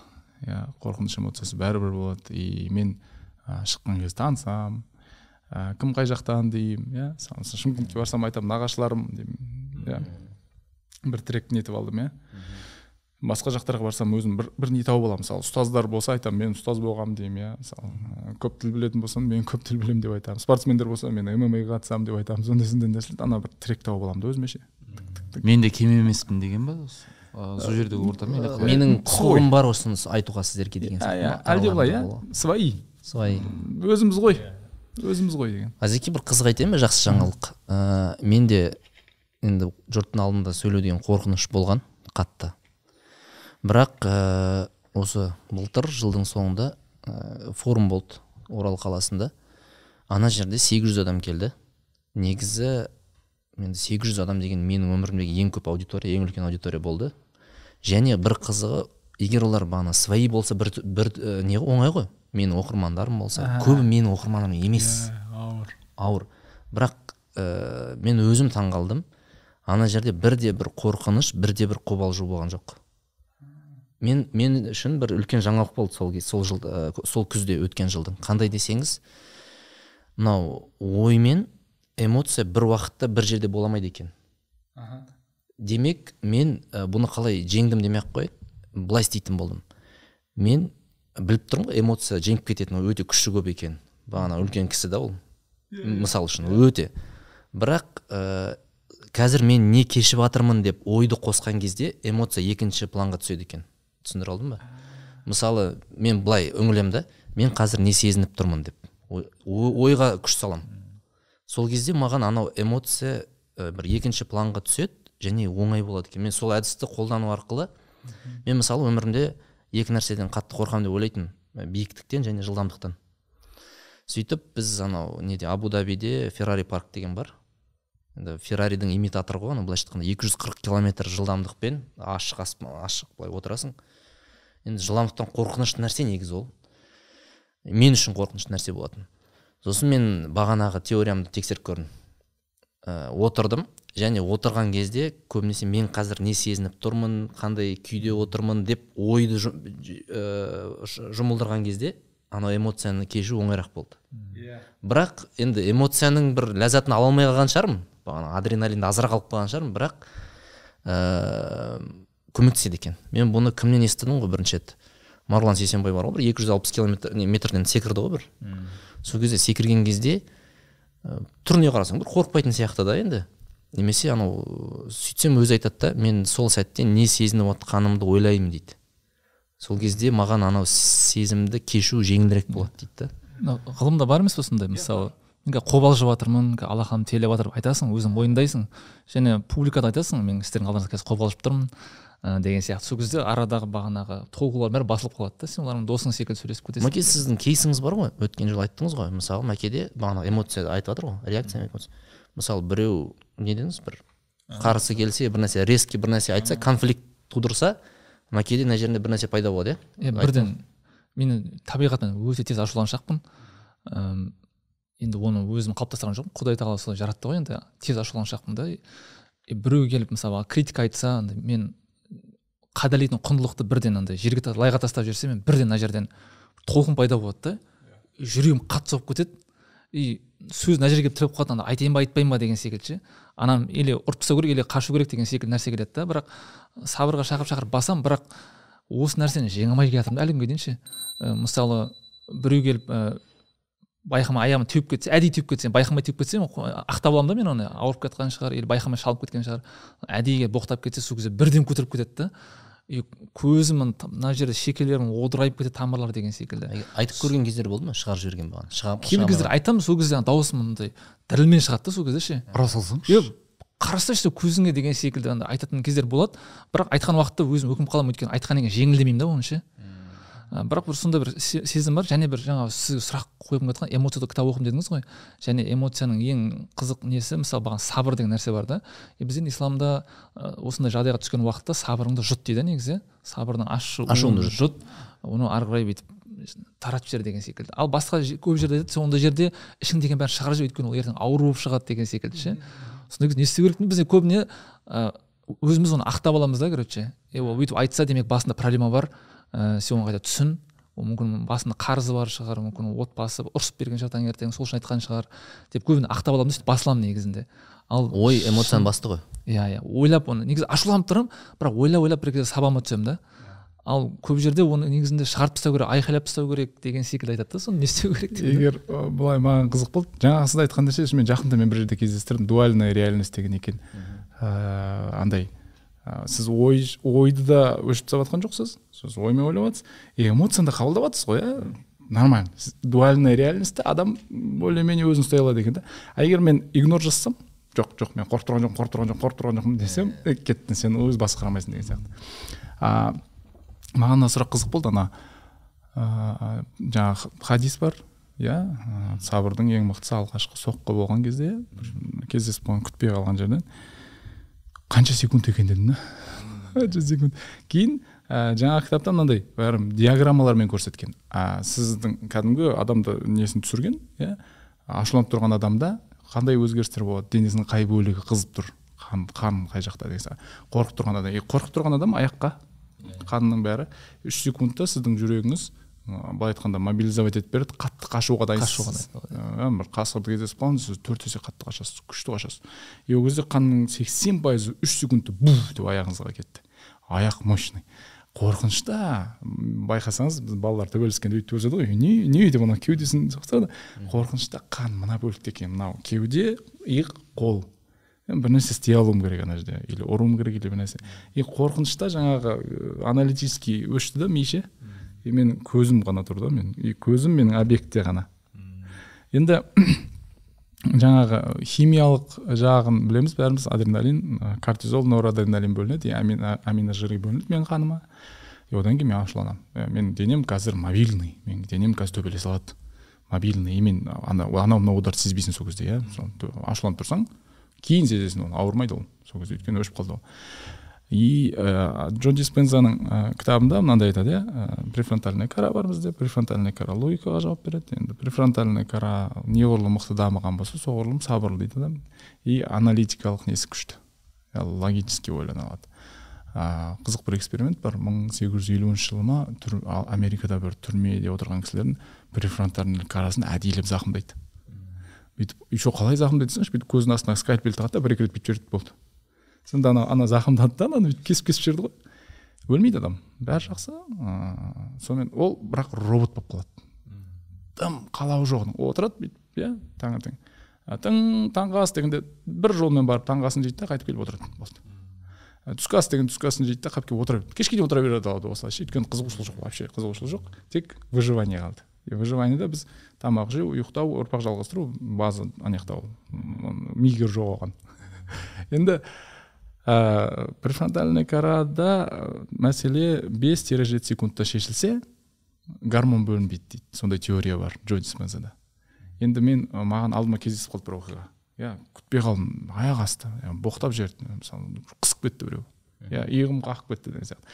Бағанағы сіздің айтқанға да келеді негізі ол менің де ішімде өзімді кемсітуім ғой әйтпесе. Шетелде иығың қағып кетсең адамдар ренжімейді. Иә европейецтер американецтер ренжімейді. Иә қарайды да кешір деп кетіп қаласың. Менде ол ше ей абайлап жүрмейсің ба? дедім. Көріп тұрсың ғой деген сияқты. Шынымен көріп тұрған жоқ шығар ше. Иә и енді префронтальный корда бес тире жеті секундта енді не істейміз? деген сұраққа жауап ала алса ары қарай бармайды екен енді не істейміз? Немесе иә шынымен бір себебі бар шығар. Мені қысып кетті. Әйел босанып жатыр десең ашуланбайсың ғой ше. Ей бас братан бас қарама ештеңеге асығып бара жатсың ғой ауруханаға деп ше. Сондайсын нетесің енді бес тире жеті секундта шешілмесе мен не істерімді білмей тұрсам әлі мен ырсылдап тұрмын иә просто мен сабырлымын да әйтпесе бар ғой сен бытшын шығаратын едім мен деп иә? И сол кезде ә, джо диспензаның теориясы бойынша ақпарат миндалинаға барады. Иә миндалина мен қорғауға и миндалина қауіп төніп тұр маған. Қауіп төніп тұр. Надпочечник надпочечникте жаңағы гормондар бөлінді. Мен қанымда жүр. И менің қаным айналып жатыр иә ішінде жаңағы ашу гормондары тұр.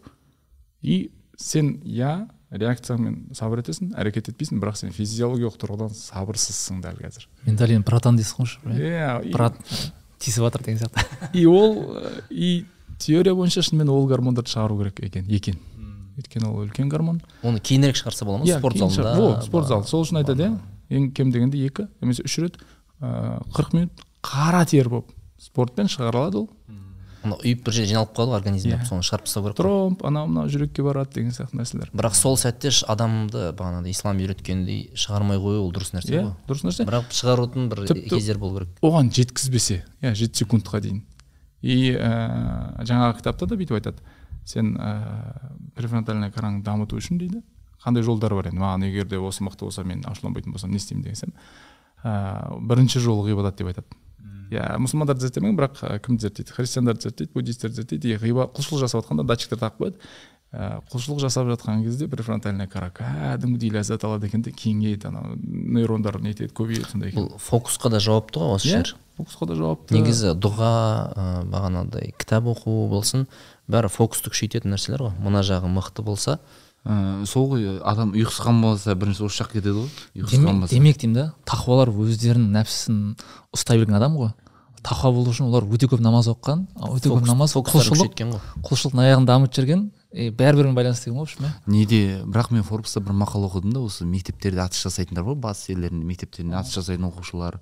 Ә, жалпы теракт жасайтын адамдар көбінесе пассив агрессияны бастан кешіретіндер дейді да яғни әдетте жиналған ғой ішіне мысалы ана иығын қақса төбелесіп кететін адамдар былай қатты ә, қатты қауіпті емес. Шығарып тастаған ғой иә ол одан кейін ба- байқасаңыздар сөйтіп ана ерегісіп кететін адамдар кейін ашық жарқын болып жүре береді да. Ал ең қауіптісі жаңағыдай пассив агрессия яғни жаңағыдай іштен қан қызып тұр үндемей қоя салады ол жиналып жиналып кейін бір іште бір ә, қалай айтсам болады бір жаман нәрсеге айналып кете ме ұласып кете ме деген сияқты. Енді бұл жерде демек дін ғана ма? Фильтр қалай? Дін діннің менің ойымша бұл жерде рөлі мынандай да. Дін не үшін деген сұраққа өте күшті жауаптар бере алады. Былай ғой. Мен ә, 2010 жылы ә, есімде анау шамиль аляудиновтың ә, тренер думает деген бір кітабы бар. Енді ішіне біраз мақалалардың сілтемелерін салған.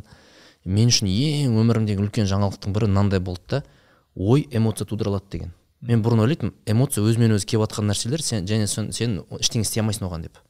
Сосын мынандай бір мысал келтіреді ғой. Сені бір сатып кеткен лақтырып кеткен сондай бір адамды еске алшы дейді. Еске алсаң бір қаның қызып бір не істей ашулана бастайсың да сол кезде айтады мынау эмоция не тудырды? дейді. Ой ғой тудырған. Ол адамның өзі жоқ қой қазір. Бірақ еске алған кезде сенде бір гормондар бөлініп бір, бір өзгерістер эмоционалдық өзгерістер болады да. Мен үшін мынау үлкен бір не болды? Жаңалық. Демек мен ойымды басқарсам эмоциямды да басқара алады екенмін өйткені кей барлығы емес бірақ кейбір эмоцияны ой тудырады да. Сол кезде мен былай түсіндім бағана айтып жатсыз ғой эмоция реакция деп ше. Біз ә, мысалы бағана мәкең айтып отыр ғой мысалы мені біреу қағып кетті және мен қазір бұған қайтармауым керек жауап дегенде не үшін деген сұрақта дінде варианттар көп қой. Ашуын жұтқан осындай әдемі немесе анау бір сүре бар ғой рахманның құлдары олар жер бетінде кішірейіп жүреді және оған мынандай надандар келіп бір жаман сөз балағат айтса олар оларға «Жа- жақсы Сәлем». сәлем деп кетіп қалады дейді да анау бір ә, рахманның құлы деген образ ұнайды саған.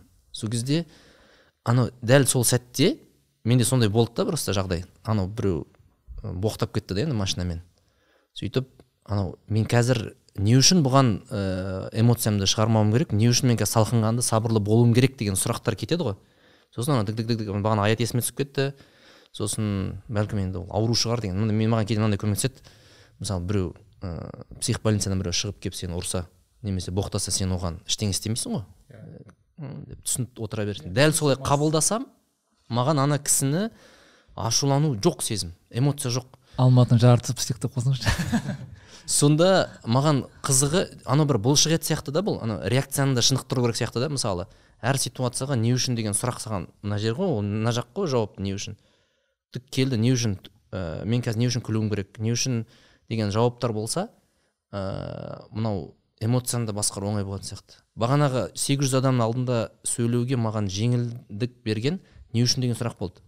Мен былай не үшін мен қазір мына жерге шығып тұрмын деп сұрақ қойдым да көп варианттардың біреуі келді енді. Біздің миссиямыз қазақстанды кітап оқитын елге айналдыру.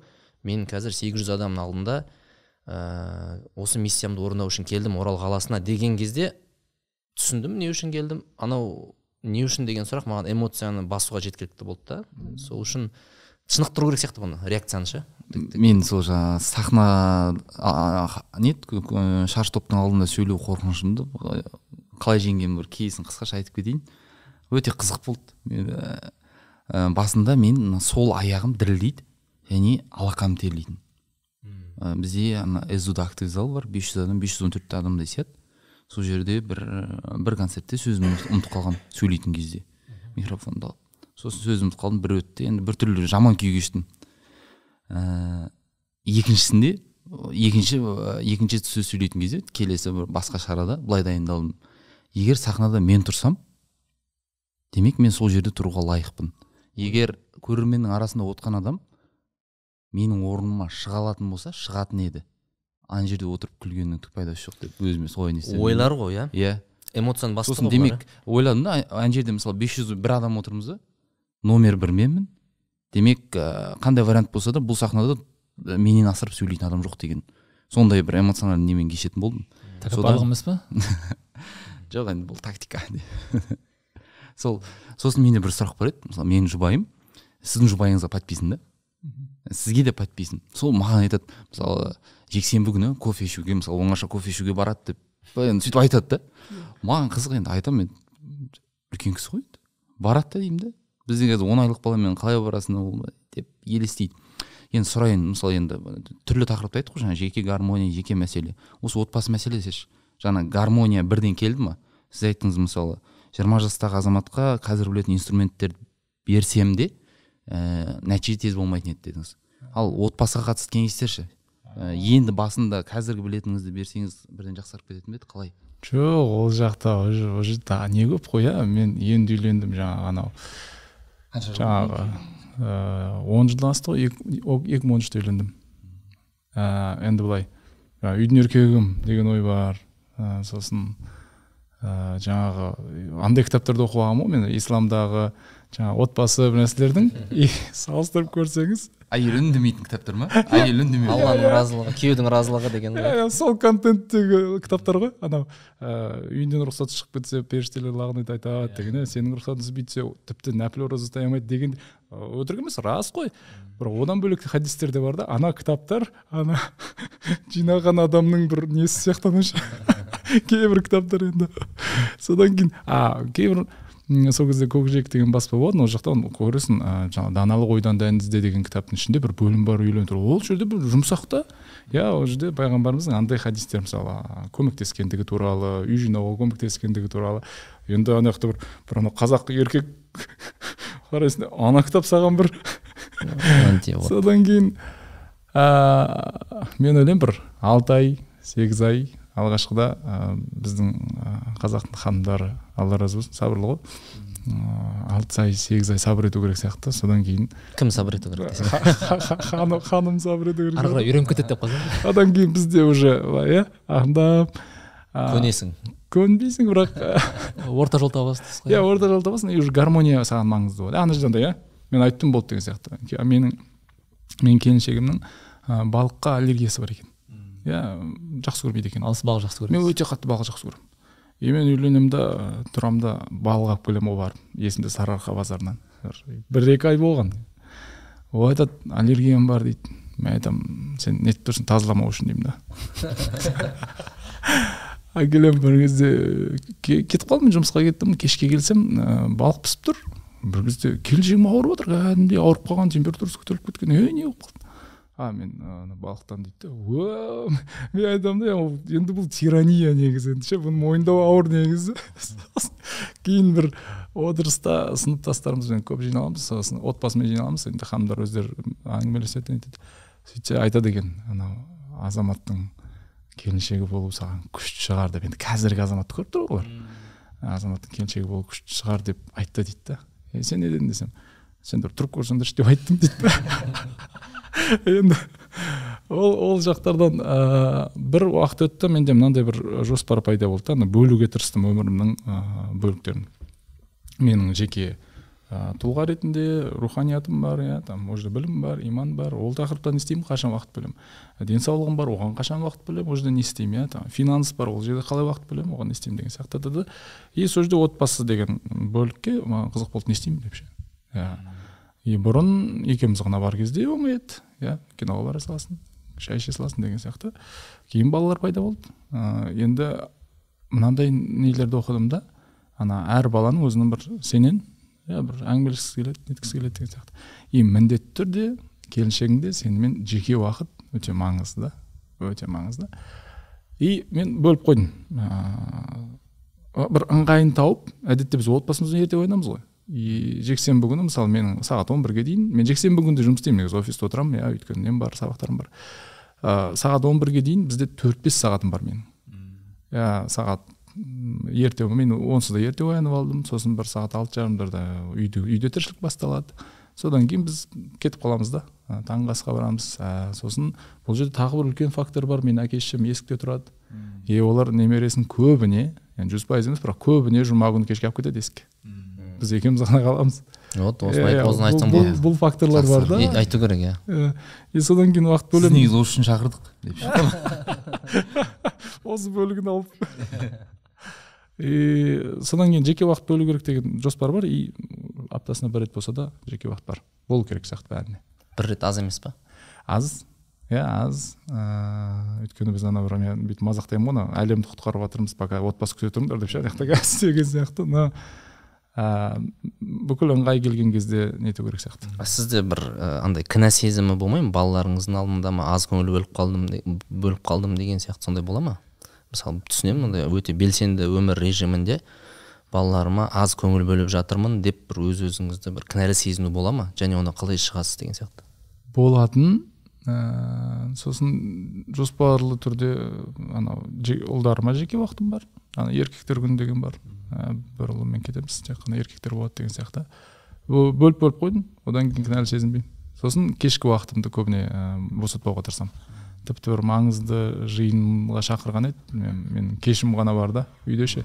Ә, таңғы алты қырық бесте кетіп қаламын мен үйден. Күнде. Ә, соны кешіме тиіспеңіздерші дедім.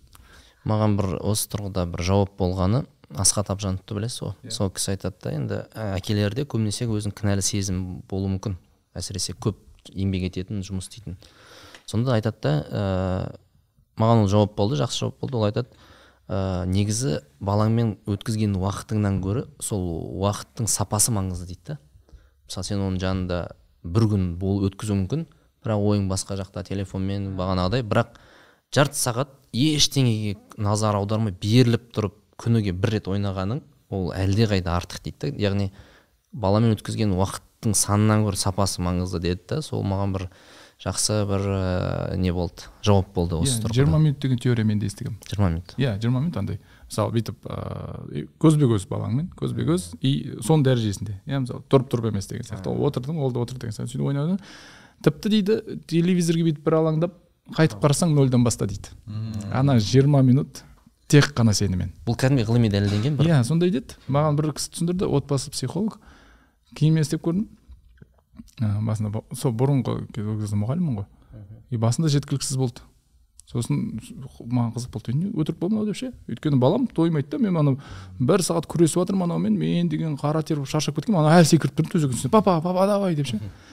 Сөйтсем ә, ана хронический внимание жетпей қалған болса белгілі бір уақыт керек толу керек ана компенсация болып жатыр компенсация болып жатыр. Сосын қызық болды. Шынымен былай болды ше. Ойнап отырмыз екеуміз иә. Залда нәрсе- нәрсе.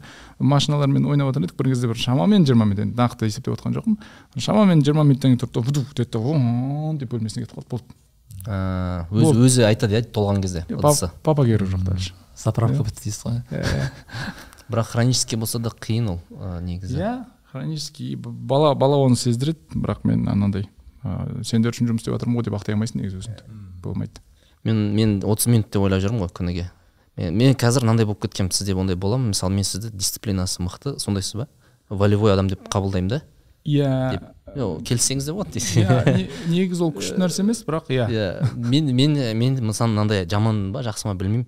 Мен қазір ештеңені жүйесіз мақсатсыз жасай алмай қалғаным сонша.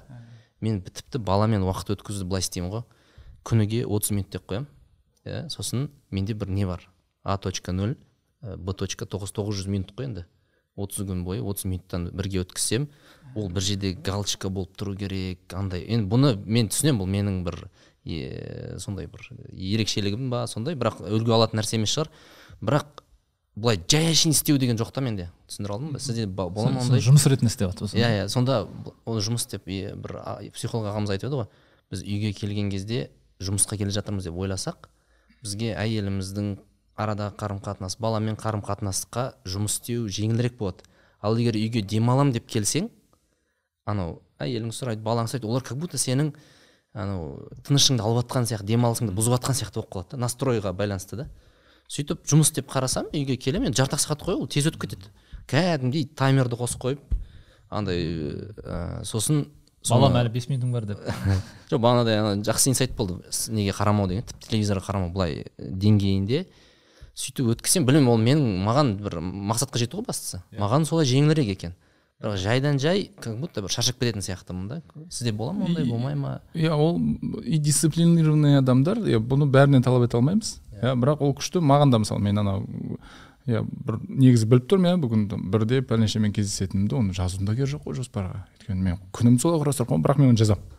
Иә бәрін жазамын өйткені маған ананы сызып тастау кешке қарай бызт деп. Маған бір ана бір мәні бар сияқты да иә иә, күнімнің ше. мәні бар мәні иә мәнсіз іспен айналысқың келмейді ғой. Иә. бір мән жасап аласың да тоғыз жүз минут деп жасайсың да жетістігің сенің. Иә и ол жерде дофамин бар. Сен тыңк дегіздің ғой все миыңда дофамин бөлінді сен екінші рет істегің келеді уже. Иә и сен бақыт сезіндің менде керісінше менде хаоста менде дисциплина вообще галоп бойынша отыз үш короче.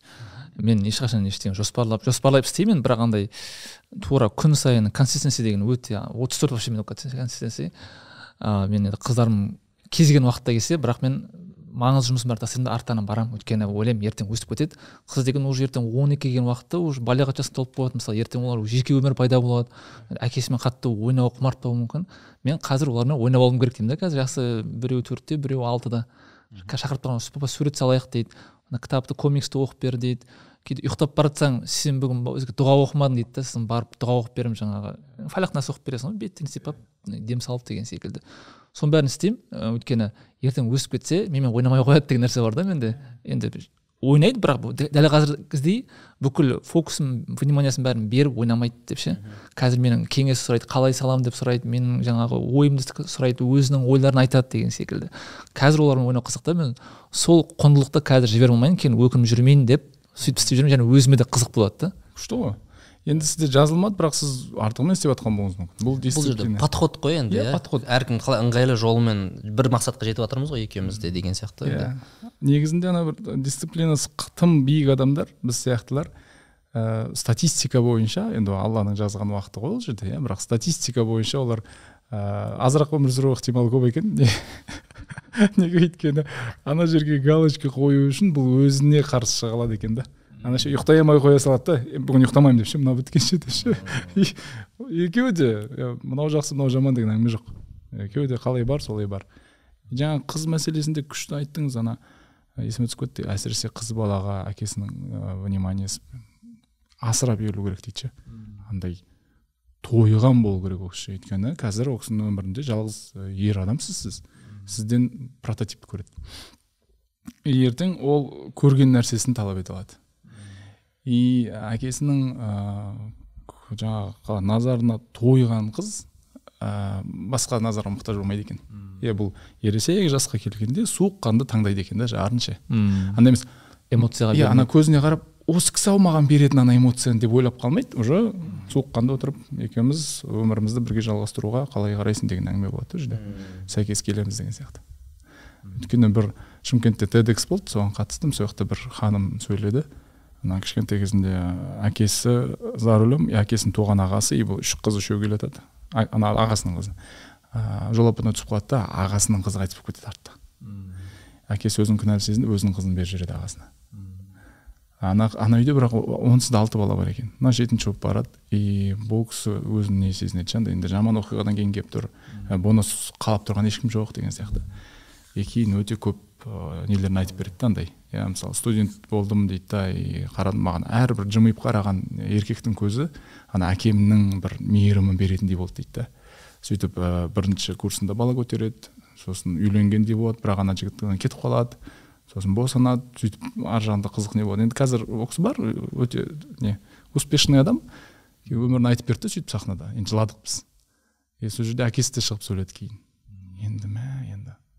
Анау внимание өте маңызды. Асеке сіз енді біздің подкаст кітап ал подкаст сіз бізге сен деген кітаптың ә, кітап арқылы танымалсыз ә, және ол кітабыңыз қазір көп ада жастардың қолында оқылып жатыр. Осы кітап туралы айтсаңыз қалай жазылды және ол кітапты оқу үшін қанша кітап оқыдыңыз деген секілді. Не үшін Ә, және жалпы жаздыңыз кітапты қалай оқисыз деген секілді. Өйткені көп адам ә, бізден жаңа оқырмандар әлі күнге дейін кітапты қалай оқу керек деп әлі сұрап жатады да. Қандай кітап оқу керек? Ә, біз соларға да кітап оқу қабілетін қалыптастырғымыз келеді да ә, сол туралы айтып берсеңіз. Қызық ә, мынау сіздердің подкасттарыңызда көремін ғой ана миссия қатты ұнайды да маған. Анау қазақстанды иә кітап оқитын ел қыламыз деген супер миссия. И қазір айтамыз ғой дамып кеткен заман иә қазір биохакингпен зерттеп жатырмыз ғой уже қалай мен үш сағат ұйықтап он сағат ұйықтаған адамнан артығырақ немді қолдана аламын деген сияқты. Сондай нәрселердің заманның өзінде осы мәселелердің бәрін сен кітаптан аласың ше. Кітап бұл тұрғыда ә, менде былай ә, сіздер сіз жазған кезде ойладым. Мен кітап мен қал- қалай кітап оқимын? мен қашан оқимын деп ше? И менде жаңағы шамамен енді жаңағы саяхатта болсаң ауырып қалсаң бұл әрине быт шығады. Мысалы кеше быт шықты деген сияқты. Ә, таңғы бес жарым мен алты иә шамамен алты он бір сондайдың арасында стабильный кітап менде. Күнде иә күнде. И одан кейін жұмысқа барғанда м кейбір кезде бәлкім сабақ тақалып тұрса нете алмаймын бірақ барғанда менде бір міндетті түрде отырып бірнеше кітап оқу несі бар. И мен араластырамын ше. Иә бірнеше тілде болғаны маған тиімді. Бірнеше тілде мысалы жарты сағат бөлген болсам он минуттан үш, тіл, үш тілде кітап оқиын деген сияқты ше сіз қай қай тілдерді білесіз? Оқырманға қызық болады. Өйткені біздің алдына мади фазыл келді да и тағы да осындай адам шақырыңдаршы деп. Бәрі қызықты да. Жеті тіл тіл білетін жігіт қой. Жеті сегіз білемін ғой иә мәди мәдиді білемін иә мен бес деймін. Иә кейін біз ана прагада оқығанда чехша полякша украинша түсіне бастадық. Бірақ олар қазір қанша жыл болды төрт жыл болды ма? Қолданбағалы бес жыл болды да. Мен қазір айтуға ұялып жүрмін. Сондықтан беспен шектеліп жатырмын. Бұрын сегіз деп айтатынмын бұрын сегіз деп айтатынмын айта беріңіз бәрі ол тілдеріңізді тексере алмаймыз қазір. Бір күні ана енді барған кезім прага қызық бір оқиға болған. Енді шынымен қазақтар тез үйренеді ғой тілді. Ше оған қоса ол орысшаға ұқсайды. Славянесі болғаннан кейін. Ә, бір қазақстаннан бір аға келді үлкен кісі. И маған осы жақта бір танысым хабарласты. Азеке осындай бір ә, бір министрлікте бір аға бар деді соны күтіп алып бір бір күн қасында бола аласың ба деді да мен барғанына екі ай болған әлі оқу басталған жоқ. И келген әуежайдан күтіп едім ана кісі мені мақтады. Мә біздің қазақтың жігіттері келеді да сұрады сен мына жердің бәрін біліп тұрсың ғой сен енді мен такси шақырып қоямын алдын ала ағам былай жүрейік мына жақтан шығамыз мына жақтан жүрмін ғой енді екі ай екі ай болған ә, содан кейін сендер деген бәрін шешіп тастайсыңдар. Міне қазақтың жігіттері енді әбден мақтады енді. Сонымен таксиде келе жатырмыз. Убер ғой. Иә а нүктесін б нүктесін көрсетіп тыныш қана апарса иә ана чех маған бұрылады да. Бір нәрсе бір нәрсе бір нәрсе дейді да. Түсінбеймін ананы. И ана кісі маған қарап қалды да енді. Ағаның алдында намысты бермеу керек иә дейсіз сосын мен цо деймін енді. Не деп жатсыз деген ғой. Сосын цо деймін. Сосын бір нәрсе бір нәрсе. Мә түсіне алмай мен кішігірім былай не етемін ғой сосын. Бір кез тұрды да тади деді. Мен айттым енді не де болса тади дедім короче тоқтады да біз тастап кеттік бірақ ана баратын жерімізге бір ғана остановка қалған және ана бір центральный парк бар өте әдемі. И сол центральный парктың түбінде біздің баратын жер. Айттым аға мына жерде біз паркті көрсетейін сізге дедім. Екеуміз сөйтіп жаяу бардық та. Кейін үйге бара салып зерттеймін мына тади деген не деп ше сөйтсем осы жер ма деген сөз да ол ше осы жерде тастаймын ба мен тади деген ба и мынандай ыыы кітапқа қатысты маған бүкіл қызық мәселені мен кітаптан оқығанмын ше екі мың он алтыда өмірімді өзгертемін деген жыл ол менің ше переворот болды сол кезде өмірімде и жүгіремін деймін ғой жүгіремін деймін үйден шығамын тоқсан сегіз килограмм ана кезде жүзде шығар жүзде шығар үйден шығамын да дүйсенбі күні таңғы алты ол не ғой? Жаңағы. классика. Классика. Дүйсенбі таңғы алтыда шығамын да жүгіремін нақты есімде бір бүтін оннан сегіз километр жүгіремін. Ыыы аяғым ауыра бастайды. Быт шыт болып терлеп кеткенмін. Ырсылдап үйге қайтып келемін де ұйықтап қаламын. Оянсам жұмысқа кешігіп жатырмын. Енді тұрайын десем сол аяғым ісіп кеткен кәдімгі ой мынау не болды? Әшейін жүгіріп адам не істеймін деп сөйтіп бір апта ақсаңдап жүрдім. А ана күнім быт шыт өтті. Ұйқым қанбаған біртүрлі бір жүрегім айни ма күні бойы? Бір нәрсені қатты нагрузка ұстап жүргенмін ғой. Артық салмақ бар анау бар мынау бар. Сөйтсем ә, бесінші күні сынықшыға бардым болмай кетті. Бес күн бірақ ақсаңдап жүрдім мектепте. Сонымен сынықшыға барсам сөйтсем ана шыбық шығып кетіпті. Иә. Сол ол әшейін аяғым жерге қойды тық деп баса салды болды. Бассам ауырмайды уже. Бес күн қиналып жүргенмін ғой дедім да. Сонымен келесі дүйсенбі тағы жүгіремін оң аяғым шыбық шығып кетеді. Барамын да оны да салдырып алсам біліп алдым уже. Содан кейін өзі алла разы болсын мың бес жүз теңге тұрады сол оны он секундтық. Содан кейін маған қызық болды е мынау жүгіру деген не? Қалай болды бұл сонда? Жүгіру деген көшеге шығып әшейін жүгіреді ғой дедім. Сосын от восьмиста метров до ультрамарафона деген кітап бар. О чем я говорю когда я говорю о беге деген кітап бар харуки муракамидің сосын маған қатты жүгірудің философиясына көмектескен цибек деген кітап бар. Цибек былай жүгіруге философиялық тұрғыдан келген да анау айтады шаршаған кезде елестет сені бір бейне бір мына жақтан бір жіп тартып келе жатқан сияқты елестет дейді сондай дейді ше жүгіру деген ол андай физикалық энергия жұмсамай жүгіруің керек сен дейді анау адам бүйтіп құлап қалмау үшін аяғын өзі лақтырады дейді алдыға. Сол үшін сен алдыға еңкеңсең болды дейді аяғың өзі лақтырады сені дейді итерме аяғыңмен дейді просто андай бесконечно құлап бара жатқан адам бол дейді да иә и құламау үшін осыларды оқыдым тағы бір кітап оқыдым атын ұмытып қалдым. Ыыы достарым и бұл төрт кітап әшейін жүгіру туралы. И бір күн тұрдым да е маған ұйқы быт шыт жұмысқа кешігіп қала беремін. Иә садикке балаларды кешігіп апарасың. Ыыы үйде таңертең андай ғой анау. Бір образда таң бар. Оянасың кітабыңды оқисың намазыңды оқисың дұғаңды жасайсың суыңды ішесің жарты сағат иә сосын балмен су ішесің. Сосын отбасыңды оятасың. Олар тұрады асықпайды иә бәрі нормально. Гармония. Екінші ояну бар. Әй тұрыңдар әй ұйықтап қалдық дейсің. Ол кезде носкиім қайда? Иә ол кезде балалар да тұрып бітпейді олар енді кішкене еркелегісі келеді. Әй сен бір босай деп ол кінәлі болып қалады бейшара ана жерде ше оның күнін құртасың иә оның күнін құртасың. Ол маған тұрдым да ұйқы деген не дедім да? Е бір жерден білмеймін бір жерден естіп қалдым. Ол кезде тед көп тыңдайтынмын бағдарлама бар ғой сонымен. Тед ағылшынша қосып қоямын да түсінбеймін ол кезде тыңдай беремін бірақ. Арасында кейбір сөздерді түсініп қаласың. Бір күні бір кісі шықты мэтт уолкер деген ұмытпаймын. Мэтти уолкер деген сол ұйқы туралы зерттеген кісі. И айтады да ұйықтағанда ғана адам май жағады дейді қалай ұйықтағанда май жағады деп ұйықтап жүр соны қызық болып кетеді да маған қолыма не түседі? Ә, слип смартер деген шон стивенсонның ұйқы туралы бірінші кітап. Сонымен жаңағы киндлым бар киндлыма жүктеп аламын соны. Оқып жүремін.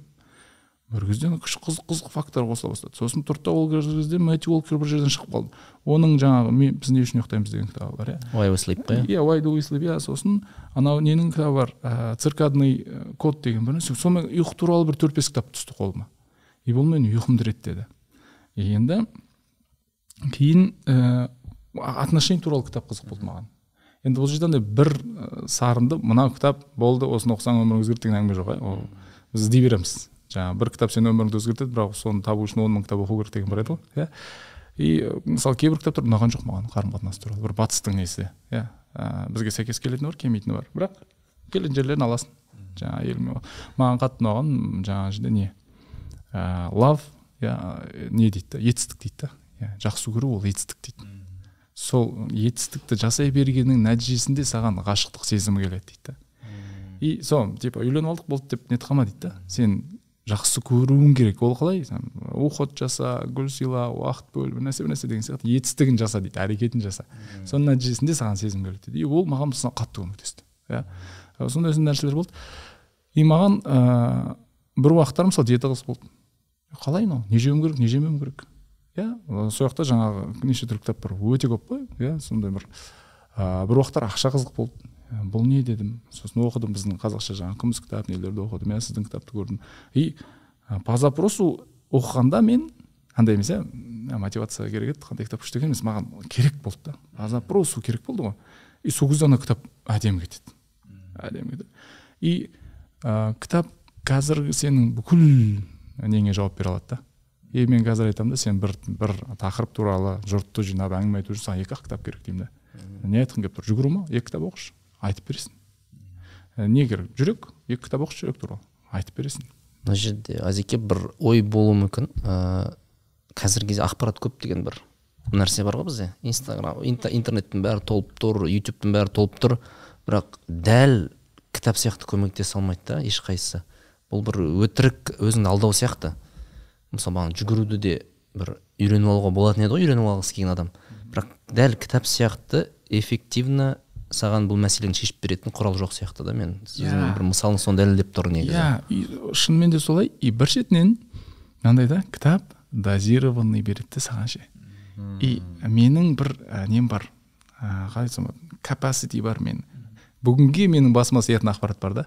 И мен он бет оқимын ба жиырма бет оқимын ба бір нәрсе оқимын ғой иә. Мен соны сеземін и мен соны әрекетке айналдырамын.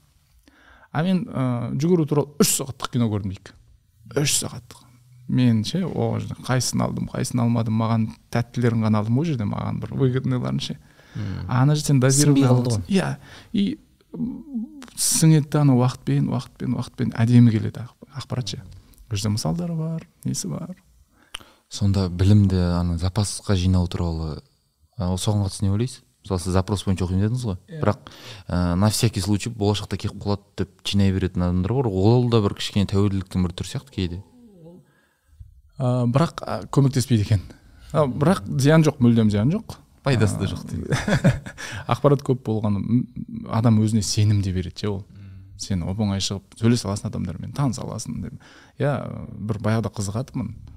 Бір кісілер болады ғой мен кішкентай үлкен кісілер болады. Ғой «А, мына кітапта бүйтіп жазылған ғой деп мә қарап отырдым «Мә, күшті ғой мынау қалай өйтіп айтады деп ше мынау мына кітапта бүйтіп жазылған деп. Ол кезде сені мектепте қинап оқытады әдебиетті сен. Мә қиналып оқисың ананы сосын.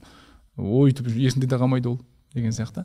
Ыыы қалай болса да оқу керек сияқты. Ол контроль сезімін беретін сияқты мысалы бағанағыдай. Сен бір нәрсені біліп тұрсың білім деңгейінде сенде бір контроль бар ол сенің жүрегің тыныштығы үшін керек сияқты. Сонда азеке бағанағы оқ- сен кітабы енді ол кітапты оқымаған кісілер болуы мүмкін. Ыыы бағанағы сіздің тәжірибеңіздің сығындысы десек бола ма ол кітапты? Иә. Бағанағы иә. білімдеріңіздің не үшін жаздыңыз бұл кітапты? Қандай Маған мотивация? былай мотивация болды. Ы, бір уақыттар мен андай ұйқының несі болдым андай амбассадоры болдым. Бүкіл жүрген жерімде ұйқыны айтамын. Ұйықтап тастай беремін дейсіз ғой. И сізді азамат ұйқы деп контакт сақтап қоятын шығар ондайлар да бар иә. И біреу келеді ғой иә маған айтады мысалы че то бизнесімде бір нәрсе болмай жатыр мен айтамын ұйқың қалай деймін. «Е, бітті.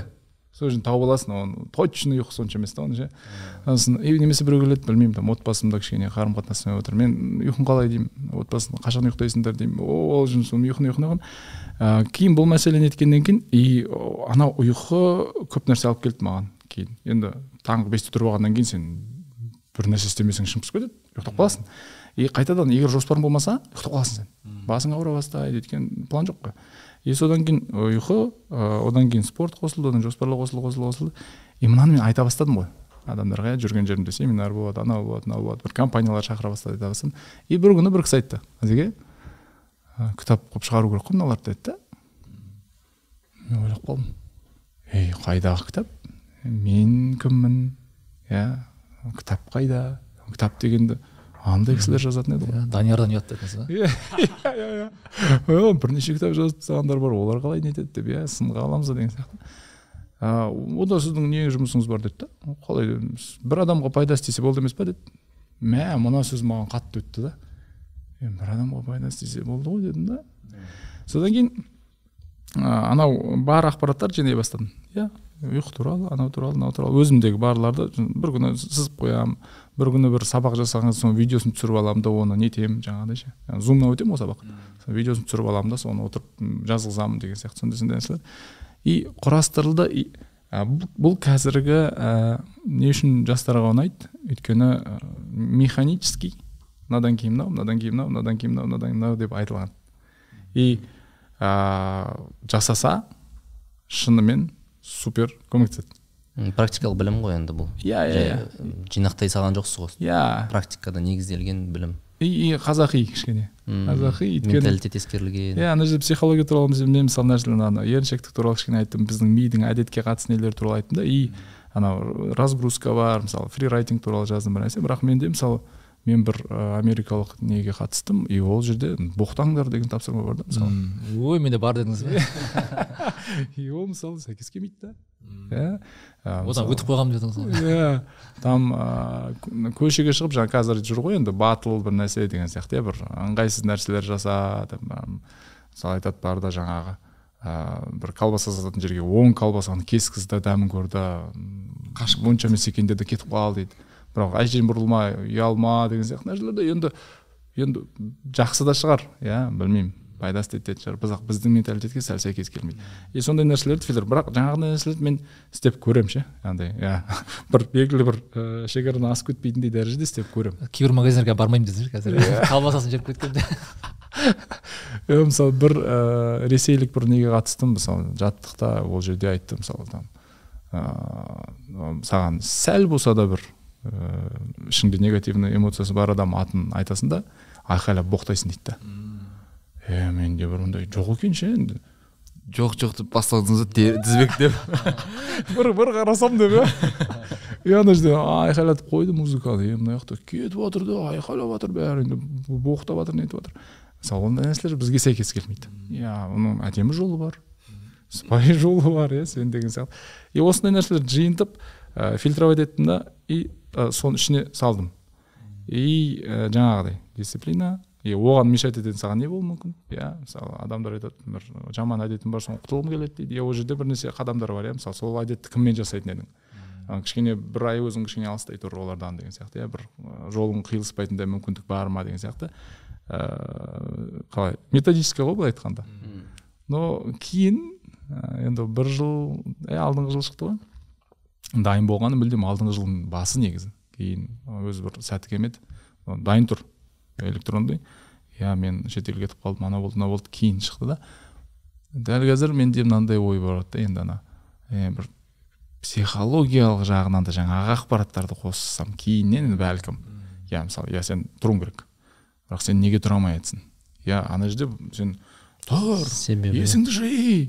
Оян қашанғы жата бересің деп айтуға болады. Немесе иә мынандай мынандай нәрселер деген сияқты ол кітапта инструментті білетін бірақ ішінде бір андай бір қайшылықтары бар адам көбінесе былай өзек болатын шығар.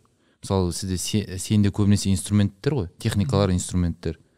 Ал екінші кітапта инструмент техникасы бар а иә иә бірақ иә. іште әлі бір нәрсе дайын емес бәлкім бір нәрсе шешілмеген деген сияқты. Иә немесе айтады иә ана соңында бізде жиырма бір күндік практика бар. Жиырма бір күнде бір тапсырманы жасаса ол да негізі күшті практикалар. Ана бір зона комфорттан шығу қорқыныштарды жеңу деген сияқты. Соның бәрін жасағаннан кейін маған айтса иә назике кітабыңызды оқыдым жиырма бір күн жасадым бірақ че то десе уже кейін бір не бар. Иә жаңағындай тұрғыдан түсіндіру керек шығар. Мм, мхм. енді бүгінгі подкастта ыыы біраз нәрсенің түсіндіруі болды деп ойлаймын. Кітапты толықтыру болды. Азеке рахмет Иә. сізге. Иә сіздерге рахмет. Ыыы, уақыт аз болып қалды бірақ біраз нәрсенің басын көтердік.